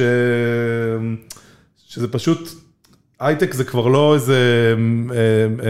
הגדרה לא טובה. איזה פרופסור שיושב ועושה אלגוריתמים. כאילו אלגוריתמים זה דווקא נישה, אם כבר. דווקא יותר נפוץ זה אנשים שרואים בעיות שהם real world ופותרים אותם בעזרת תוכנה ובעזרת עוד כלים שהשיטה הזאת שנקראת סטארט-אפ. כי מסתכלים על האוטפוט, כאילו על המוצר, בסוף ההבנה היא שכאילו המוצר הפשטני או האבסטרקציה של המוצר היא enabled by הטכנולוגיה. כן, כן, כן. צריך פשוט להשתמש בהגדרות יותר מדויקות, מה שאתה אמרת עכשיו זה בדיוק ההגדרה של סטארט-אפ לעומת lifestyle business, אם אתה רוצה, אם את רוצה להקים חברה ולגדול triple triple double double, זאת אומרת מהרגע שהתחלת לרשום רווח או הכנסות ליתר דיוק, לא מדברים על רווח חס וחלילה, אז מהרגע שרשמת הכנסות, רוצה לגדול כפול שלוש, כפול שלוש, כפול שתיים, כפול שתיים, שזה הקלישאה של משקיע הון סיכון, זה סטארט-אפ, זה לא עסק, עסק זה מכולת. זה גדל באחוזים בודדים כל שנה, אם יש לך איזושהי אספירציות לגדול ב-100% בהכנסה, שנה אחרי שנה, ושנה שבה גדלתם רק ב-70%, היא כישלון שצריך לבדוק את מי מפטרים, זה סטארט-אפ. כן. הייטק, לואו-טק, כל הדברים האלה זה הגדרות שהן מיותרות לגמרי. אני כן חי בשלום, וממשלת סין עכשיו שואלת, עזוב, החבר'ה שאני, כמו עומרי זרחוביץ', שאני מאוד אוהב אותו ומעריך אותו, או כתבים אחרים בארץ שואלים שאלות אותך כמו הייטק, לא הייטק. ממשלת סין אמרה, טנסנט, אתם הייטק? וטנסנט אמרו, מה זה הייטק? אז ממשלת סין אמרה, אתם בכלא. wrong answer. והכל נפתר. אם אתם רוצים לחיות במדינות כאלה, הכל בסדר. במקומות אחרים, ההגדרות הן פשוט פחות מעניינות, זה דרך לרדד שיח. אני כן חושב שיש הבדל בסוף בין חברות שמוכרות תוכנה. בגלל המרג'ינים הגבוהים, כאילו אולי באמת, כן, אולי באמת יש שם איזשהו משהו, אבל בינינו, גם בתוך זה, כאילו, לא יודע. AWS, כן. זה בסוף כאילו, המרג'ינים שלהם לדעתי יותר נמוכים מחברות, אה, אני- מורכב אני בקיצור. אז אני חולק על דעתך. לא, אני רק בניגוד- אומר, כן. אם יש איזשהו הבדל, אבל גם, לא יודע, זה בוא, בוא, בוא. פיננסי, זה לא אם- כזה אם- מעניין. אם יש לך מוצר תוכנה, שכביכול השולי, הש- אין לך באמת עלות, אה, יש לך עלות שולית פוחתת לאורך ה... אתה לא מייצר פה משהו, אבל אם אתה משלם לצוקרברג ולסרגי ברין ולחברים שלו תש- 110 אחוז מהעלות, ולא באמת בדקת מה קורה כשאתה מפסיק לפרסם, כן. אני לא חי עם זה שהשולי רווח שלך הם באמת 100 אחוז. בסדר? אה, חברות סייבר שמכרו לאיזה בנק ואז 20 שנה אף אחד לא מוציא את המוצר, אני חי עם זה בשלום. אני ראיתי את זה מקרוב. בגלל זה באמת המכפילים שלהם בסדר. אבל כשאומרים על חברות תוכנה, בניגוד לחברות חומרה וכאלה, שזה... אין פה עלות ייצור, בסדר, העלות פשוט מגיעה במקום אחר. כל מה שהמשחקים שיושב פה איזשהו CFO ומשחק איתי עם הקוגס וה, והאופקס והדברים האלה, ואני עושה את השיחות האלה פה כ-CTO, ואז אני כזה קצת ישק ואני אומר, מה אתה רוצה שאני אגיד? תגיד לי ואני אדע לסדר את התשובה. תגיד לי מה התשובה הטובה, ואני אדע מה אתה רוצה. תגיד לי מה זה טוב, מה זה רע, ואני אדע... זה מצחיק. רק רק תגיד לי מה טוב ומה רע, כן. ואני אדע לנסח את התשובה שלי, כי אני מרגיש שזה, אתה יודע. כי, כי זה הכל פה כל כך גמיש, עם כל הכבוד, ואני באמת, יוצא, יש לי הזכות לשבת עם חבר'ה שניהלו חברות ענק, ואני רק אומר, תגיד לי מה אתה רוצה שאני אגיד ואני אסדר את המציאות ככה. וזה באמת כך, זה לא איזה שקר, של, אתה יודע, שאתה בסוף אתה מנפיק, אתה יודע, חברה כמו מאנדי, אתה יכול לקרוא את ה-S1 שלה, הכל שם. כן. אנשים אומרים, הם שיקרו, אתה יודע, הם או חברה אחרת, אה, אז הם דוגמה לא טובה, כי הם עפים לשמיים והם תוצאות טובות, אבל כאלה שהידרדרו, הם שיקרו. לא, תקרא, הם כתבו הכל. כן. הם כתבו הכל, הכל, הכל, מאיפה מגיע, לאיפה הולך, הכל, הכל. אגב, סתם כדי לשתף משהו פרקטי, בסוף כאילו מה שאני למדתי על כל עולם ה- איך להסתכל פיננסית על חברות, זה שהצעד הראשון זה להבין את הסגמנט שהם חיים בו ואת החברות הציבוריות שחיות בו, את ה-comparable שלהם, ואת ה-best in class comparable, ואז בגדול להבין איך, יש לכל אה, שוק, איך ש... לכל סגמנט, איך שהשוק מבין אותו, כזה כל מיני תובנות, נגיד, כמו בסאס, ש... שיש לו אה, אה, revenue churn שלילי, כלומר שהחברה גדלה ב-30 אחוז כל שנה רק מזה שאנשים קונים עוד אה, רישיונות, בלי שהם מביאים לקוחות חדשים. זה נגיד דוגמה לשוק שמקבל 20x מכפיל. לא משנה, בקיצור שלכל סגמנט יש את ה, קצת את החוקים שלו, ואז שבגדול אתה צריך, אה, אם אתה חברה שפועלת בשוק, אז, אז אתה צריך פשוט להבין את החוקים האלה, ואז לדברר את עצמך לשוק הפיננסי בצורה הזאת. אז בואו נגיד, זה מה שאנחנו למדנו במסגרת העבודה שעשינו על אה, להבין אה, אה, כשנ, אם וכשננפיק, אז כאילו איך אנחנו צריכים ככה זה אמור אה, להיות. להתכונן לזה, כן. ככה זה אמור להיות. לצערי, יש עכשיו כל מיני דברים, ואני חווה את זה, אתה יודע, חברה של אנדריסן הורוביץ בשם וואטנוט. אפליקציה עם באמת, בלי לזלזל, משתמש וחצי, אולי טיפה יותר, אולי שניים וחצי, אולי שלוש ורבע, וזה כאילו מתחרים, אז אני לא, לא אומר, אבל זה באמת, תסתכלו על מספר ההורדות באפסטור, בפלייסטור, זה לא איזה מסתורין גדול. גייסו לפי מיליארד וחצי דולר מאנדריסן הורוביץ. וואו. עכשיו, אני מכיר את המספרים שלנו, אין פה איזה מרמור או משהו, מה קורה שם? אני מנסה להבין באמת, ואז מתקשרים אלינו משקיעים, רוצים עוד סיבוב? אני אומר, לא, אנחנו לא צריכים את הכסף, הכל טוב, מכניסים, הכל טוב, אבל ה-comparables האלה, ברגע שמישהו עושה משהו, זה מתעוות. הרי מה קרה בשוק הדיור האמריקאי עכשיו עם זילו, הם אמרו, אתה יודע, הם ואופן, אופן דור, סליחה, התחילו להריץ מחירים של דירות, לא כבר מחירי מניות, ובחברה, כל מה שאתה צריך כדי להריץ זה משקיע, טייגר, אינסייט, שישקיעו בחברה כל יום, 300 השקעות בשנה, וזהו, ויריצו את השוק. ואז ה-comparables מתערערים, ופתאום חברה עם 3 מיליון דולר ARR תימכר במאות מיליוני דולרים, סיפור פייק, בסדר, נניח, לא באמת, אה, כן. אה, או בבורסה, אתם רואים חברות שזוכות המכפילים הרבה מעל ה-20 שאתה ציינת. כן. זהו, ה-comparable מתחיל להישבר כשמישהו מוכן לשבור את את את המולד כן. הזה. אני חייב לומר שבסוף אני כזה, אנחנו אגב מחפשים CFO, אבל בגדול זה עבודה של ה-CFO, אה, לדברר את החברה הפיננסית. שי מבסוטית פה מה- מהפלאגינים שלי לגיוסים, אבל. אה, ה- אנחנו מחלקת ה-PR של מיקסטאס, מבינה איזה יופי, זה איזה יתרון זה. אין מישהו מחוץ לחדר שמנסה לכוון אותנו. אבל בגדול אני כזה מסתכל על זה טוב, תפקיד ה-CFO, ואז החברה צריכה באמת כאילו לקבל את הגיידנס, אבל בעיקר להתפקס ביצירת ערך, ולא יודע, יש כל מיני edge cases, ולא יודע, כל מיני שקרנים, או רמאים, או לא לא או עיוותים, זה לא שקר, אבל זה בסוף, לא הנה. הבסיס, אתה יודע, לוורן באפט יש את זה, שבסוף בטווח קצר, נכון, יש כל מיני בועות, אבל בטווח ארוך, מה שמנצח זה זה ה-fundamental truth, לפחות ככה אנחנו פועלים במיקסטאז, כזה מנסים לייצר את ה-value האמיתי, כי אחרת זה מאוד מבלבל, אתה כל הזמן רודף אחרי אה, אה, דברים שאתה קורא, דברים שאומרים לך. תהליך קבלת ההחלטות מתעוות לגמרי, כי אני אומר, כן. אוקיי, מה שהם עושים, אותה חברה, וואטנוט, של אנדריסן הורוביץ, עושים משהו שאני לא אה, מאמין זה שם בו. אמיתי וואטנוט? כי עכשיו לפעמים אומרים וואטנוט בתור כזה, בסדר, חברה איזשהו שם, לא משנה, זה כזה. Whatnot. וואטנוט. אני לא- אני לא אגיב, ו- ואני אומר, אני עושה את הניתוח הזדמנויות, כמו שגיל אה, מכריח אותי לעשות אחרת, לא- דעותיי לא יספרו, ואני אומר, הדבר היחידי שאני יכול להגיד לחיוב לכיוון ההוא שהם הולכים עליו, זה שאנדריסון הורוביץ שמו על זה מיליארד וחצי דולר, אז אני חייב כן, להניח שיש כן, משהו, כן, אבל אני. לא מוצא את המשהו הזה. אז כל ניתוח ההזדמנויות מתחיל להתערער. כי הדבר היחידי שיש שם, זה שהשוק מכתיב שיש ולואציה גבוהה. כן. ראיתי את זה עם צ'טבוטים. אחת הביקורות שהיה על כן. WeWork, אה, שבסוף כאילו, מה שמם, סופטבנק, הם. אלה שהשקיעו, והם אלה שכל פעם השקיעו ב-10, ואז ב, לא יודע, 20, ואז ב-40, ושלא היה בעצם שחקנים חיצוניים שתמחרו, ובגדול כאילו, יש פודקאסט ממש טוב שאני ממש אוהב- להאזין לו, שנקרא All In, של אה, ארבעה כזה. משקיעים. אתה מכיר אותו? איזה צ'פט, פלפתיה ו- וג'ייסון. כן. צ'מאט. פלפת- פלפתיה, מסרי לנקה, כן. אחרי זה קנדה, ארצות הברית, אחד האנשים העשירים עכשיו בתחום, כן. ואדם מדהים, רהוט וחכם. כן. והם בדיוק דיברו עכשיו על העניין של חופשות לידה, שאנחנו בדיוק אתמול הודענו שאנחנו מביאים אה. שלושה. חודשים לכל העובדים, ומישהו אמר, לך לעולים, ובאמת היה שם שיחה שבוע שעבר, מדהימה, כן. שהם דיברו על זה. אז כן. שהם אמרו, אנחנו רוצים שזה יהיה זה לכולם, אנחנו לא יכולים שלושה חודשים, כי אנחנו לא בתפקידים כאלה, כי הם התקשרו למה שג'ו כן, מפלנטיר כן, אמר. ג'ו לונגסטין. בקיצור, פודקאסט מדהים, מאוד מומלץ. כן, אז למה אבל אמרתי עליהם? כי... אה, לא, בשביל להסביר כאילו את יצירת, תהליך יצירת הערך שלפעמים הוא מעוות. לא, אה, הם דיברו על, הנושא הזה של WeWork, והם דיברו על זה שהם כמשקיעים אה, מודאגים מאוד להיכנס לחברות שהוואליואציה שלהם נקבעה על ידי משקיע אחד שגם עשה מולטיפול ראונדס, כאילו, שכל פעם המשקיע הזה תמחר, הוא השקיע ב-X, ואז הוא השקיע ב-10X וכזה, אז קל מאוד להגיד, אה, החברה גדלה ב-10X, אבל אתה קבעת את המחיר פעמיים. אוקיי, אז למי שלא הבין, זה לא שהמשקיעים, אם משקיע לא משקיע בסיבובים, זה סימן לא טוב הרבה פעמים, אם זה קרן שיש לה את היכולת. יש קרנות שפשוט לא יכולות להישאר. אבל אם הם לוקחים את הליד פעם אחרי פעם, אה, שהליד זה רק הליד זה. מי שקובע את המחיר בעצם. כן, אה, הרבה פעמים, זה- זו הבעיה. כן, כן. כן, אה, כחברה שסופטבנק השקיעו בה, אז אני אה, מנוע לא, מלהגיב. אבל אני, אני כזה משועמם מכל הוואליואציות וזה, יאללה, שכולם ישרפו. זה לא מעניין. באמת, איזה מילים, איזה מילים. איזה מילים. כמובן שכשאני אמכור את המניות שלי, אז ברור שזה אז הכי חשוב במקרה, אז אני בעולם. כמובן- אז פתאום זה יהיה מעניין, אבל כרגע, לא, אבל... בימים אלה ממש, שאני מתעסק ב planning, אז, אז מעבר לעניין הסובייקטיבי שלי, זה פשוט באמת לא מעניין. זה אובייקטיבית לא מעניין לדון בזה. אני רואה כל כך הרבה כתבות, כתבות עיתונות כלכלית.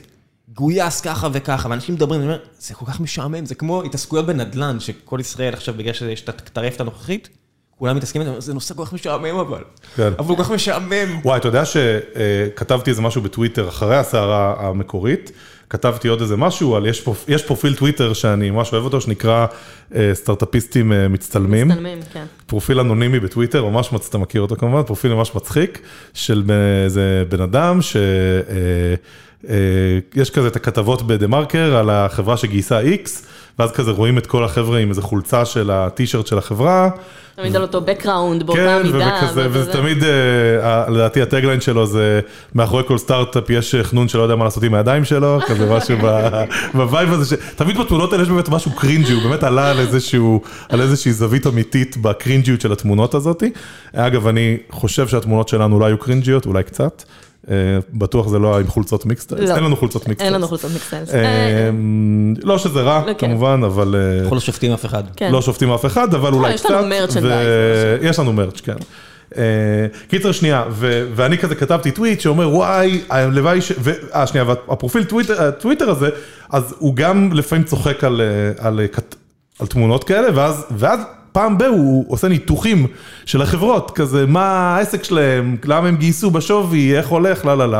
ו- ומדי פעם הוא מקבל טיפים מאנשים, לא יודע, הוא קיבל על איזה, אה, לא, לא סתם אגיד, אבל קיבל איזה סטארט-אפ ש- שבעצם כל הפיץ שלו אולי לא נכון, ו- וכתבתי כזה אה, שרשור בטוויטר שאמר אה, שהלוואי שהיה איזשהו... עומק ב... לא, שאולי, הלוואי- עסקי. הלוואי שמישהו היה מייצר איזשהו בלוג או ניוזלוטר בתשלום, כן. אה, שיהיה כמו ה tech photoshoot הזה, אבל במשרה מלאה, שמביא כזה inside information על כל הגיוסים, ו- ו- ומייצר סביבו קהילה, ובאמת מקבל טיפים, ובעצם משתמע ממה שאני אומר, שאני יורד על העיתונות הכלכלית אה, הנוכחית של הסטארט-אפים. אה, כתבתי שם איזושהי מילה, שזה קצת רדוד וצהוב, השתמע יותר חזק. כמו שקורה לפעמים, השתמע קצת יותר חזק ממה שהתכוונתי. בקיצור, הגיב לי הבחור שכתב פעמיים על מיקסטיילס, פדיחה זה היה. ש- שהאמת היא שהוא ממש אחלה, שגיא אה, כהן מדה מרקר.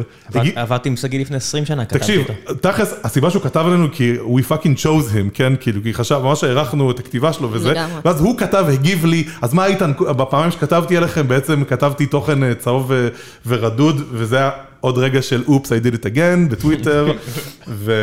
לא, אבל היה לזה אבולוציה יפה. לא, יפה. וקודם כל הגבתי לו כאילו גם אמיתי, שאני מעריך אותו וזה, שזה לא כולם, ולא יודע, בסוף אה, עוד פעם הבנתי שאני מפגר אה, בכללי, והאמת היא שהוא כזה גם הגיב אחר כך, כן, סליחה, קצת נרגעתי, באמת יש בזה אמת, ואז עלינו ל Space, ש Space זה כזה live פודקאסט בטוויטר, מה שפעם היה... קלאב האוס. איך קראו לחברה ההיא שהגיעה לאבלואציה של 4 מיליארד כי הריצו אותה? אותו משקיע. אהבתי. כן, אנדריס אנורוביס, כן. אוקיי. קיצר, אה, בכלל, חבר'ה, אני ממליץ לכולם להצטרף לטוויטר בעברית, לפיד טק זה נקרא. אה, אתם מוזמנים לעקוב, אה, אני איתן לויט, E-Y-T-A-N-L-V-I-T, יש את עוד פעילים שם, לא יודע, נבות וולק, שם כן, עוברים- מגנזי, אנחנו עוברים עכשיו טק ל- פוטושוטס. ל- ל- להמלצות, יאללה. שנייה, רגע, ו, ו, ו, ו, ו, ו, רגע, אני רק רוצה להגיד את השורה הסופית שלי. ואיכשהו יצא, שהיה Space של אה, תוכנית live של 45 דקות, ששגיא כהן בטובו הסכים לעלות ולדבר איתי על הנושא הזה של אה, אה, כתבי ההייטק, שאיך הם מדברים על התעשייה. והאמת היא, מרתק. אמרתי לו בוא נעשה את זה עוד פעם, בינתיים הוא לא, לא הסכים, אבל... אתה יודע מה למדתי? למדתי שבסוף לכתבי ה tech בארץ יש בעיית scale אמיתית. קודם כל, כמות הנושאים השונים שהם צריכים לסקר, קצת נוגע לדברים שדיברנו מקודם. תחשוב, שגיא כהן אחד צריך להבין בביטקוין ממש לעומק, בקריפטו ממש לעומק, צריך להבין ב-NFTs, צריך להבין במיקס סטיילס, בכזה D2C consumer, אה, צריך להבין ב-health, צריך להבין ב-creators economy, נכון? ב-stream elements, באינפלואנסרים, צריך להבין ב-B2C, B2B SaaS, כל כך הרבה תחומים, כל אחד מהם זה עולם שלם. ואיך הוא יכול? מה הוא, אה, מה הוא אה, סוקרטס? כאילו, בסוף he's one guy, והוא כל היום מותקף ב-PR. אז זה דבר אחד שלמדתי, ודבר שני שלמדתי שהיה, מה רציתי לחבק אותו באותו רגע, זה שבסוף הוא כזה, הוא בעצמו לא בטוח שזה מעניין לכתוב על גיוסים. איזה, איזה הזוי זה, הבן שכותב על הגיוסים, בסוף אומר, שאל אותי, מה אני חושב בתור יזם, האם זה מעניין לכתוב על גיוסים? כי הוא לא בטוח. אה, שאגב, גם למדתי כתוצאה מזה שהכתבים של דה מרקר לא יושבים על ה analytics של הכתבות, בקטע מכוון כנראה, של למנוע מהם לעשות clickbait, שזה, הערכתי את זה. כן. אה, אבל אה, קיצר, אז מה אתה. חושב, שזה מעניין או לא מעניין?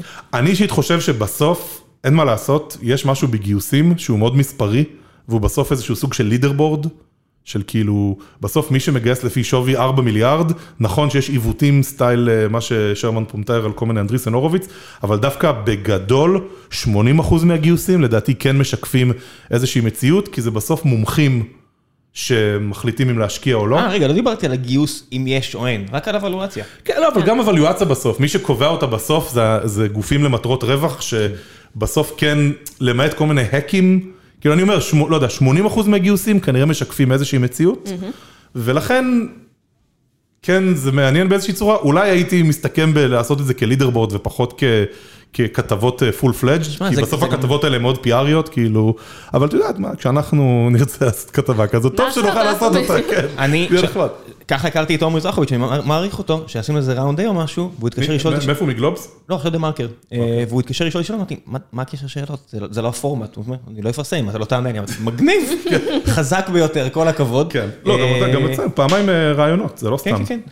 אז אה, אני רק אגיד משהו אחד, שבסוף זה לא משנה מה אני אומר, מאמינים לא מאמינים, זה כמו קריפטו. דעותיי על הקריפטו ידועות, אבל אם מספיק אנשים אומרים שזה בעל ערך, זה בעל ערך. כן. זה כמו אמנות. אתה שם ציור, האם הוא שווה 100 מיליון דולר? אם מספיק אנשים אומרים שכן. אז כן. הוא שווה 100 מיליון. ואז כן. אני, אז אתה יודע, אני משחק, אני- מישהו אומר לי, מה ההבדל בין זה לבין זה? אמרתי, אומנות לפחות יש איזשהו ערך אסתטי. ואני אומר, רגע, לא. כל כך הרבה אומנות שוכבת בציריך, בשדה תעופה, מתחת לסדין. עדיין שווה משהו? מישהו נהנה מזה? לא. ספקולציה כספקולציה, אז הכל טוב. כן. זה בדיוק כמו שהם אומרים, הם אומרים, אנחנו נשקיע ב-JFrog לפי 6 מיליארד, כי זה יגיע לבורסה, כי הבורסה נותנת הערכה, מה זה הבורסה? זה מלא אנשים שיגידו, כן, אני חושב שזה הגיוני שזה יהיה שווה ככה, אז זה שווה ככה, זהו, זה כל הסיפור, והם טובים בזה, אז מה שאני אומר זה רק נטו, מסתכל מהצד ואני אומר, זה זה קצת בבלת. אני אגב בסוף אבל רק רוצה לנסות למכור... חכה, שאלות מן הקהל, אל תברח. מה יש? שאלות מן הקהל. אה, רק רוצה אבל לומר, אני עדיין בסוף יצאתי מזה באמונה שיש מקום למישהו שירים גוף newsletter subscription אמיתי, על tech, עם אה, צוות שכל כל עיתונאי מומחה דווקא בתחום. אה, יש, ויש דוגמאות אגב לכתבות תחקיר אמיתיות, כמו נגיד רותי לוי שעשתה תחקיר עומק על למונייד, על ההנפקה של למון, על ה-S1 כן. זה שלהם. נקרא The Information, זה פשוט לא בעברית. בדיוק, זה אבל לא, אחד. הרפרנסים שנתתי גם בזה שלי, וגם Stratechery. נכון? ושנייה. ועוד דבר מעניין, בסוף דה מרקר היום גובים 40, אה, דה- קבוצת הארץ גובה 40 שקל בחודש מ-100 אלף, אה, יש להם 100 אלף סאבסקרייברים. 40 אלף זה רק הדיגיטלי, העיתון עולה 40 כבר איזה שקל, 150 40 שקל. סבבה. כן. אז אני רק אומר, זה מראה שיש לפחות 100 אלף אנשים שיכולים לשלם subscription, ואני עדיין, בסוף, בסוף, בסוף, אה, אני, אם הייתי עיתונאי אה, איכותי, הייתי מנסה ללכת על זה. אבל מה אני. מבין? אני גם לא, אני... שי פה צוחקת. כן. אין כמו שתי דוד שאומרים, מה אני מבין, אחרי שהם דיברו רבע שעה על... עסקית בביטחון שלמה, מלא? בביטחון, כמו איזה בן אדם, שזה, יואו. אתם מבינים למה אני, זה לא טוב בטוויטר מה שקורה? לא, לאף אחד זה לא טוב. אני, אתה יודע שאני... עכשיו, אתה יודע שאתה הגנת עליי וריגשת אותי עד דמעות, וואו. או, אני, כן, אני... אבל אנשים לא יודעים על מה מדובר, על הטוויט, דיברנו בפתיח. בפתיח. אה, איזה? טראפיקה, הטוויט הזה הולך לקבל מחדש? אתם יודעים שרק הטוויט הזה קיבל- הגיע לאיזה 100 100 ומשהו אלף אנשים, ולדעתי הוא יצר, והוא יצר מימים וטמפלייטים, שלדעתי הגיעו לעוד כמה מאות אלפים. כן, עכשיו כולם מציינים את הימי הולדת שלהם באופן עקרוני. כן. כן. ואחד הסיפורים אבל ששרמן לא נתן לי לספר אותו, אבל זה בסדר. אה, נכון. כבר באתי סופר. מוכן לספר אותו. אין, אה, מה לעשות דברים למען, שידעו, עדיף פשוט לעשות.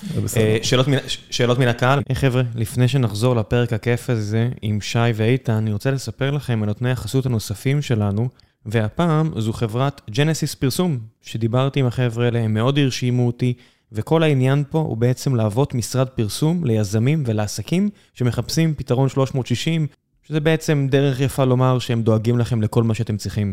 איך הם עושים את זה? יש להם צוות במשרד שמתמחה בצביעת קהלי דאטה לפי קבוצות פייסבוק, הם בונים את התוכנית האסטרטגית שמתאימה ללקוח. דיברתי איתם על כל מיני קמפיינים שהם הריצו, ויש להם כלים פנימיים שעוזרים להם לתת לכם, הלקוח, return of investment, ROI מאוד מאוד חיובי, שהוביל לכך שאני מרגיש בנוח לפרסם אותם. הנקודה הנוספת היא שלמעשה זה משרד הפרסום הראשון בישראל, שמכוון לעסקים קטנים ובינוניים.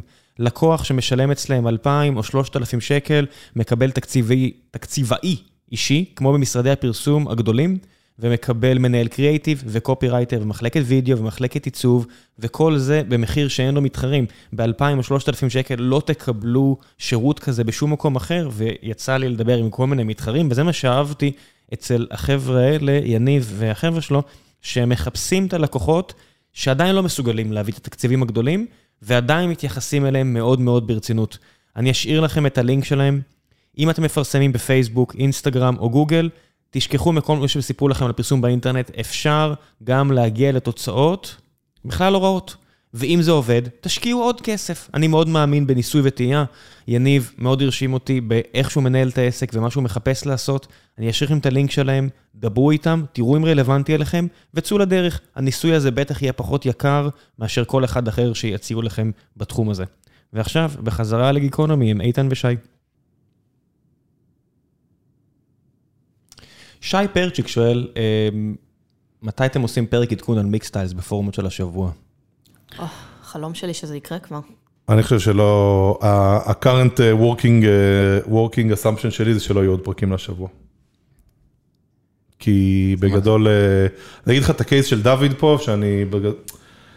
שיאללה, זה, כתבנו ספר, סיימנו לכתוב אותו. זה ספר שכתבנו אותו, הרי שנינו עשינו early, early stage יזמות, איזה שמונה שנים לפני שכתב, עשינו את השבוע. נתנו שם דאמפ משוגע של כל מה שידענו על התחום. עכשיו אנחנו רק איזה שלוש שנים ב-growth mode. או, בסדר, אבל זה כאילו, while you are figuring, כאילו כזה, ללוות את אבל התהליך זה, משם. אבל זה ההבדל לא. בין דוד וביני, בסוף הוא כזה רוצה רק לדבר על דברים שאנחנו ממש מבינים, ו- ואני מתחבר לזה באיזשהו מקום. מה שכן, אולי נעשה פודקאסט חדש. אולי אני אעשה פודקאסט חדש, הגיע הזמן. שיהיה פחות טוב. אני אעשה את זה לבד. וואי, וואי, ניב שואל? אה, ראיתם שיש לכם חיקוי ישראלי? ברור. ראינו, מכירים. אין עוינות? זה החבר'ה שגם חיכו את גרופון בארץ. אה, מי שעשו את גרופר, שאז גרופון קנו אותם, חבר'ה שהם אה, אוהבים אה, to clone business models. אה, וזה, אני חייב לומר שהם עושים קלון. קלונים ב- בצורה, כאילו אני מאמין, אם אתה עושה קלון, לעשות אותו מכל הלב, אז הם עשו את זה באמת קלון אה, מדויק, הם גם כזה יושבים עלינו, כל פיצ'ר חדש שאנחנו מוסיפים. מצחיק, לפעמים יש פיצ'רים שאנחנו מוסיפים, שאנחנו יודעים שלא עובדים, לא עובדים ויאללה, הם מוסיפים אותם גם. אה, כל מיני A-B טסטים. אה, אבל זה לא מעניין, אנחנו לא באמת פועלים בשוק הישראלי, אנחנו אפילו לא מפרסמים פה בשוק הישראלי. אפשר לקנות בארץ? אפשר לקנות. אבל אנחנו לא, לא דוחפים את זה. אין אפילו, אין נגיד שירות לקוחות אה, בעברית. אנחנו מאוד פעילים בארצות הברית ובמערב אירופה, מיליוני לקוחות, revenue של אה, למעלה מ-100 מיליון דולר בשנה. רגע, אבל יש עכשיו, לא יודע, 15 עד 20 אלף אנשים ששומעים, הם יכולים לקנות בארץ? יכולים, כן, מיקסס.קום. לגמרי. יכולים, אחלה מגיע. מוצר, אה, אחלה מוצר. אני קניתי. אני ממליץ. גם אני. ויש גם עוד מוצר, מיקסלס ארט, למי שלא רוצה לשים תמונות אה, שיש לו בטלפון, אלא לקנות מגלריה, מ- מקולקציה של, אה, כמה כבר היום? עשרות אלפים? עשרות אלפי אה, עבודות אומנות שעשינו לה קיוריישן, מתמונות וציטוטים ואומנות דיגיטלית וגרפית, ומלא אומנים שתכלס גם מקבלים כסף מזה. אה, אז אתם מוזמנים גם למיקסלס ארט, mixels.com/art. אני מאוד אוהב את זה. איזי פלנט לדעתי, אה, לצערי אפשר לקנות בארץ. אז הסתובבנו במוזיאון אה, ראלי בקיסריה, אחד המוזיאונים האהובים עליי בארץ, וליפז אמרה שהיא אוהבת איזה אמן, כזה או אחר. אמן חושים, אמן לא, פיתוי. לא, לא, אמן בלגי מלפני 100 שנה. ו... ואמרתי, אני אפתיע אותה, וקניתי את זה מסוטביס, את הזכויות על התמונה באיכות נורא נורא גבוהה. אה, אה, ואז יצרת וואו. את זה עם... ואז אה, הדפסתי את זה במקום בתל אביב, שמדפיס את זה באיכות נורא נורא נורא גבוהה וממסגר את זה בצורה מאוד... עשיתי כמו שלכם, רק בעצמי, כי לא ידעתי שאתם עושים את זה, כן, אה, וזה יצא בן זונה. מגניב. ואז אני מסתכל על זה כל פעם במ- ב- ב- במטבח, וזה יפה. ואמרתי, כל הסיפור הזה עלה לי מאות שקלים, נקרא לזה, יואו, בגבוה. אתה כזה כי- נבוריש. כי עשיתי את זה, נכון, נכון, עשיתי את ההשקעה הזו, והטוויטר, אני מצטער. לגמרי. אני ב-PTSD. וראיתי שם את התמונה המקורית גם בסוטביז, וזה גרם לי כאילו לחשוב, כי התמונה המקורית למכירה. ב-250 אלף דולר, אוח, ואמרתי, אם הייתי קונה. אותה, זה היה נראה בדיוק, אבל בדיוק אותו דבר על המטבח שלי, במטבח שלי, מה המשמעות של, אתה יודע, העתקות, NFT וכל הדברים האלו, זה שזה מקורי, לא מקורי, מעבר לספקולציה. אני קלטתי אבל משהו בסיפור שסיפרת, אמרת בוא נפתיע אותה, נפתי, נפן, נפתי, NFT, NFT. אני hold לא- the door, hold the door. כן, נועם גת שואל. האם איתן ראה את פרזייט הקוריאני? כל הפרשה לא, הזאת... לא ראיתי. אוקיי, אה, אחלה סרט, אה, המלצה חמה. אני לא באמת רואה דברים. למה? כאילו רק כל מיני, עכשיו ראיתי דיון, לא יודע, אין לי סבלנות. לטיקטוק נגמר לי לא. ובישול אתה רואה גם. לא רואה בישול. תוכניות בישול? לא? לא, ראיתי משחקי השף. אוקיי. משחקי השף, וואו. אתה יודע אם היית צריך לעשות פודקאסט? חבר'ה, משחקי השף, עזבו אתכם שטויות. למי שאוהב לבשל, היא כל כך הרבה יותר טובה ממאסטר שף, שאי אפשר לראות אותה בגלל שזה הכל סיפורים. משחקי השף זה fucking טעימה עיוורת. זה מדהים, אני מקווה, אל תשברו לי את לא. החלום שזה לא, ההפקה. אני- אני אם לוקח אתם שוברים את פה... החלום, אני מתאבד, רק שתדעו. עכשיו לא נפל. עכשיו נפל לי האסימון מה אני הולך לעשות, ואני אעשה את זה ואני אכריז את זה פה ב- ב- בפומבי. מה? אה, אתה יודע מי זה איתי גולדה? ברור. אז שאיתי חוזר ארצה בקרוב. איתי טרולגדה. אני אוהב אותו מדי בשביל לשים לו כינויים. טרולגדה. אה, אני גם אוהב את איתי גולדה. אני הולך לשים אותו ואותך בחדר, ואתם. תעשו פודקאסט, כי כשהוא יהיה פה הוא יהיה בלי אפי, נו, והוא יצטרך פודקאסט, אחרת הוא ירצח פה מישהו, איש גדול כמוך. נו, כן. אה, ואתם תעשו ביחד פודקאסט. עשינו עשינו פרק ביחד בפודקאסט שלו. אתם תעשו ביחד פודקאסט דיברנו פה. על קקי. כן, אתם תעשו פה ביחד איזה יופי של תוכן. יופי של תוכן, נכון? אתם תעשו פה ביחד פודקאסט. אני- אני לוקח פה התחייבות. יאללה. אה, מה עם לבשל לכל המאזינים? אני אני מחפש הזדמנויות בישול. ל- למה? אבל למה אתה לא מרים את ה... יש לי food truck, נו. אבל אין לי מקום לשים את ה food truck. או, אני רוצה לבשל לכל הטוויטר שלי בתור כאילו דרך לסולחה עם הטוויטר אה, שצחקו עליי, אז לעשות... אה, זו הבעיה? אין איזה חניון שאפשר לעשות לו... מרגיש לי, מה זה פתיר? אני יכול לסכן את הבעלים של ה food truck, שיחרימו לו את ה food truck, ולא בעיה לעשות, כאילו זה לא הגיוני. ב license.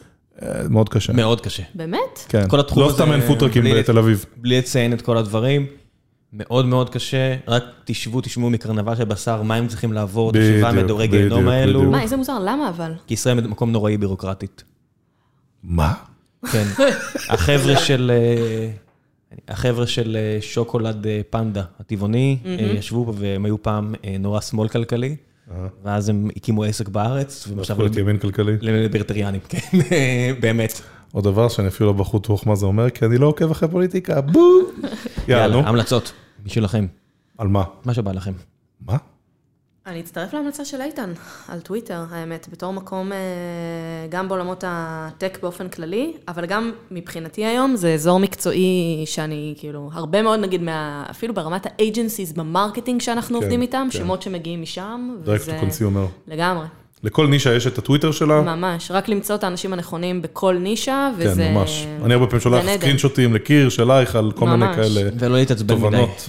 מה? ולא להתעצבן מדי, לא להיכנס, לא לא לרדת במור- במורד המחילת הארנב הזו בלי בלי או, צורך. בדיוק, בטוויטר אני רואה, יש קטע של כל אה, תקופה, מישהו צריך לעשות בוט שכל פעם אומר, העצבים בוט, כל פעם על מה טוויטר כועס היום. אני נגיד הייתי איזה יום-יומיים בכותרות, על זה, תעשו בטוויטר, חפשו מנקה כל יום, ואז תגיעו ל... כן, דני רופ החליף אותך, ואורן נהרי החליף אותך. כן, זה לא, היה עוד, כן. לא, זה ממש old news, וגם אני מקווה שלא הייתי ב magnitude האלה, אבל... לא, חד משמעית לא. ה- כן, יאללה, נו, אני ממש מסרב להיות חלק מהעליהומים האלה. אני אומר, אפילו מעבר. כי, כי אתה, אתה פשוט לא ב context, אתה לא ב detail, יש בני אדם מאחורי זה, ו... עזוב, אפילו, אפילו מעבר לפגיעה, בזה שאתה גורמים למישהו להרגיש כל כך גרוע, ממש ממש גרוע, ואתם עושים את זה, אני עושה את זה, כולנו עושים את זה, הבזבוז חיים. זאת אומרת, אני. מוצא את עצמי יום שבת בבילוי המשפחה, ו... ואני לא אה, מספיק אה, איתם, ואז אשתי יכולה להגיד, עם מי אתה רב בטוויטר? יש את הקרטון הזה של XKCD, של... שכזה רואים מישהו ליד מחשב, וכזה, רואים כזה בועית, כאילו, אה, come to bed, ואז הוא כזה, I can't, somebody is wrong on the internet. כזה רואים אותו מקליד. מישהו שאני לא מכיר כתב כן, משהו מטומטם כן, בטוויטר. מישהו טועה באינטרנט, אני צריך להגיב לו. אז אה, איזה עוד המלצות יש לנו? אה, אמרנו, all in פודקאסט. ספר אה, בישול שלאחרונה ממש אהבת, אני עף עליו, שנקרא לא ספר בישול, שרון סוקולובסקי קנה לי מתנה, נשמה כפרה עליך רון. ספר ממש טוב, על אה. עקרונות של בישול. איך קוראים ל- לסופר? אה, אה, לדעתי אסף אביר. שהוא היה כאן, אחלה פרק, אחלה ספר. כן, אני יכול להקשיב? לפרק. כן, הוא איש מדהים. הוא איש מדהים וצנוע, עיתונאי. אז כן. זה אפס מתכונים ורק עקרונות? עקרונות. לא, יש, יש, מעניין. יש קצת, אה, יש אני חושב, קצת מתכונים, לא? לא, המתכונים. אבל הם, הם, הם, הם אה, כ... תשתיות להכנה הנה איך, אה, לא, אבל המת- הם ממש לא המרכז. הוא בא, מסביר, נגיד יש שם מתכון, מספר שם סיפור איך הוא היה בסדנה של ארז קומורובסקי, ושארז קומורובסקי הראה להם איך בגדול את יכולה עם רכיבים רנדומליים לגמרי, לעשות ביס ממש טעים, כל עוד את משלבת בין חמוץ, מתוק, מלוח, שומני, אה, אה, חריף. אולי פספסתי עוד איזה מימד, וכדי להדגים להם כמה שזה עובד, הוא עשה את זה על פרוסת נייר טואלט.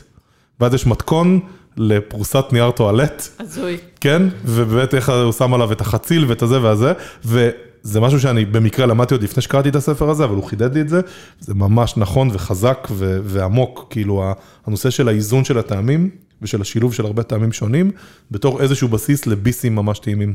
והרבה ספקטרומים של אה, מה זה אומר מלוח מדי, זאת אומרת שמלוח זה בסדר, בסדר, בסדר, בסדר, נהרס. כן, אבל אי אפשר, to reverse, חוץ מלשטוף את המנה, שזה הרבה פעמים הורס אותה. כן, הרבה, הרבה מאוד תובנות, כמו למשל למה חוש הטעם הולך לאנשים מבוגרים יותר, בעיות בשיניים והחניכיים, כי אנחנו הרבה תואמים. דרך, כן, כן, כן, כן, מלא דברים. עולה, לא, הוא יורד. יורד. Mm. היכולת שלך ליהנות מאוכל יורדת בצורה ניכרת אפילו. אה, זה מה שזה. אה, סתימות, כל מיני דברים כאלה מורידים לכם מה- מהכיף בחיים, כל הבאסה. פשוט ספר פנטסטי, של בן אדם ממש פנטסטי. טוב, ואני חושב שפרינציפל של ריי דליו, אני חושב שהוא לא מקבל מספיק תשומת לב כבר שנים. כן, האמת שהיית לנו אחד האדבוקטים הגדולים של ה- של הספר, אני גם מאוד נהניתי ממנו, וגם נכנס- הרבה אנשים במיקסטיילס. הנה השאלה, האם מהספר הזה, נכ- מדד שלי לכל ספר זה האם העצות נכנסות ל production בחיים. אז הנה שאלה אלייך, האם- האם Principles נכנס לך ל production? כן, אני חושבת שמשהו סביב ה... כן, אני לא זוכרת אותם מ- מ- ממוספר כמוך, אבל אני חושבת שבסוף משהו סביב ההבנה שאנשים יש להם פשוט מערכות הפעלה שונות, ואתה צריך להבין אותם, וכאילו דווקא כן. to embrace את זה שזה קיים, ולפעול לפי זה. כן. בוא שנייה איתן, תסתכל. מה? תסתכל, בוא שנייה. תסתכל. בוא, בוא, בוא, בוא. The Product Organization Principle זה V2, עשיתי את זה אפ עם החבר'ה, בשיטה של ריי דליו של 1, 1.1, 2, לפי כאלה. להגיד לך שכולם... אל תשלח אה, לי את זה. אני אשלח את שלנו, אה, להגיד לך שכולם פנאטים על זה כמוני, אה, לא, אבל אני מנסה, מה אבל- שאני שם, אני מזמין את כולם, כל עובד חדש, אני אומר לו, אם אתה רואה מישהו שלא חי, או לא פועל לפי, לא, מה זה חי? לא פועל בחברה לפי הפרינציפל הזה, תגיד לי, או שהבן אדם הזה לא יהיה איתנו, או שנשנה את הפרינציפלס, אבל החוסר הל- ההלימה הזו לא כן. יכול להתקיים, אה, או שמישהו לא מתאים, או שהערכים לא מתאימים. והערכים באמת, השנה השתנו מהערכים של שנה שעברה, כי אנחנו אורגניזם, אנחנו משהו שמשתנה, ואנחנו לא החברה שהיינו לפני שנה, אז אין מה להגיד, הערכים הם קבועים, כן, כי זה לא נכון. כן. זאת אומרת, כן, ויש טרייד אופים. ערך שלא מבטא trade-off, לא צריך להיות שם. כן. להגיד, נהיה איכותיים, בלי להגיד שזו על- לי טובה לבחינה של זה. בלי להגיד על איזה מחיר. טובים, כן. לפני שנה. אה, רק לגבי Principles, אני ממש רחוק מלממש את כל מה שהוא כתב שם, אבל אני מאמין שספר טוב, אם אתה, אם אתה יוצא עם משהו אחד שנכנס לך לחיים זה הרבה, וזה ספר שנכנס לי כמה דברים לחיים ממנו. אז זה גם מה שאמרת, אגב, גם הנושא הזה של... אה, שבסוף מה שמעניין זה להגיע לאמת, ושאחת הדרכים להגיע לאמת זה למצוא אנשים שיש להם טרק רקורד באמת בתחום מסוים, ולהתווכח איתם, ושזה אנשים, שבגדול את יכולה לקבל עצה מכל בן אדם, ובסוף יש הרבה value בלבחור את האנשים שאת מתווכחת איתם. לגמרי, ממועצת ו- החכמים שלך. והערך הגבוה בשיחות האלה, לא, זה לא ויכוחים, זה לנסות להגיע לאמת. אה, זה- קיצר, ממש אה, ספר אה, מאוד ממליץ. שהוא under- underrated, הרבה יותר טוב מ-Zero to One, שבסוף אני שואל את עצמי, מה למדתי ממנו? מונופולים, יאללה, בסדר, שישרפו. לא כזה מעניין. The hard thing about hard thing של בן הורוביץ, הוא מלא בקלישאות, הרפרנסים לראפ לא אמינים בעליל, אה, אבל יש שם כמה סיפורים נחמדים. אני למדתי לא- משם את higher for, uh, higher for strength and not for lack of weakness. אני ממש גם זוכר על כל ספר דברים שלמדתי ממנו. בסוף, זה גם אני אומר לך, זה המטריקה האמיתית. כמה דברים נכנסו מזה לחיים שלך. כמה פעמים באת, עשית אשכרה משהו בחיים האמיתיים שלך כתוצאה מזה ש fucking קראת את הספר הזה, וזה המטריקה, וזו מטריקה שהיא הופכת דעות של אנשים על ספרים. כי יש ספרים שהם כזה פשוט היו מעניינים וכיפים, אבל בסוף אפס value לחיים. entertainment. כן, שזה, בדיוק, האמת היא, value של entertainment זה אחלה, אבל הרבה פעמים הספרים האלה מתיימרים להיות... אה, משהו אחר. משהו אחר, כן. כן. בגלל זה-. בגלל זה אין לי בעיה, ברגע שאני, תמיד שרולניק ואני נכנסים לריבים האלה על עיתונות והכל, ואנחנו עושים את זה על בסיס שבועי, אה, הוא יחזור בינואר אה, לפה, אני אומר לו, אין לי יומרה להיות עיתונאי. אני יכול פשוט לדבר. אם אני עושה עבירה חמורה מדי, כמו שקרה לי גם עם דה מרקר, אז אחד החבר'ה שלי ביקש שאני אתנצל, הסתכלתי, באמת התנצלתי, אמרתי להם משהו שהוא לא נכון, זה אני אעשה. אבל אין לי יומרה. כשאין לך יומרה, מי שרוצה שיבוא ויאזין. כן. אין... נכון. הפער, הבעיה שלי פשוט זה עם יומרה. מי שאומר, כמו סטארט-אפים שלפני חמש שנה, אנחנו נשנה את העולם, וזה יצר איזשהו חוב תרבותי כלפיהם, נגיד פייסבוק, שקשה מאוד לסגור, כי אם אמרתם שתשנו את העולם לטוב יותר ולא עשיתם את זה, עכשיו ה-Backlash הוא הרבה יותר חמור. עכשיו אתם השטן, למרות שמן הסתם הם לא השטן. אבל אנשים קוראים להם החברה הכי מרושעת, החברה הכי גרועה, החברה הגזמה. הכי זה, ואני אומר, בואנה, יש, אה, יש חברות שמרעילות מי תהום, על מה אתם מדברים? ואז יגידו, כן, אבל הם מרעילים את נפשם של אנשים. אחי, אתה לא הסתכלת בפייסבוק כבר ארבע שנים, אתה בטוויטר. ממש. כאילו- אגב, טוויטר, ה- החוויה האישית, במקרה, החוויה האישית שלי זה שבטוויטר יש הרבה יותר toxicity מפייסבוק, בגלל האנונימיות, זה גם ברור, כאילו, זה לא מבין איך זה בכלל שאלה. עזוב, ברגע שיש אנונימיות, אז נכון. כאילו, הרבה יותר קל להיות אה, לשנוא. בסוף זה בני אדם, זה לא פייסבוק או טוויטר שהיו חארות. בני אדם הם חארות. ואז הם אומרים, כן, אבל הם אלה שנותנים לזה במה. אבל גם אתה נותן לזה במה, אם אתה עיתון. It's not guns that kill people, it's people that kill people. הופה. איזה קונטרוורסיות, סיפורים, לא אכפת לי מזה. גם כן, אני אפילו לא יודע מה אמרתי אגב. זהו. טוב חברים, המומנטום עבד. לגמרי. תודה רבה. תודה. היה כיף, היה לי ממש. כיף. תודה רבה. אני מקווה שהבנת שאתה עושה שנה הבאה פודקאסט עם איתי. שי. לא, לא, אני לא... אני לזה לא- לא- צריך שתגמר את זה לקרות. תודה רבה. ביי ביי.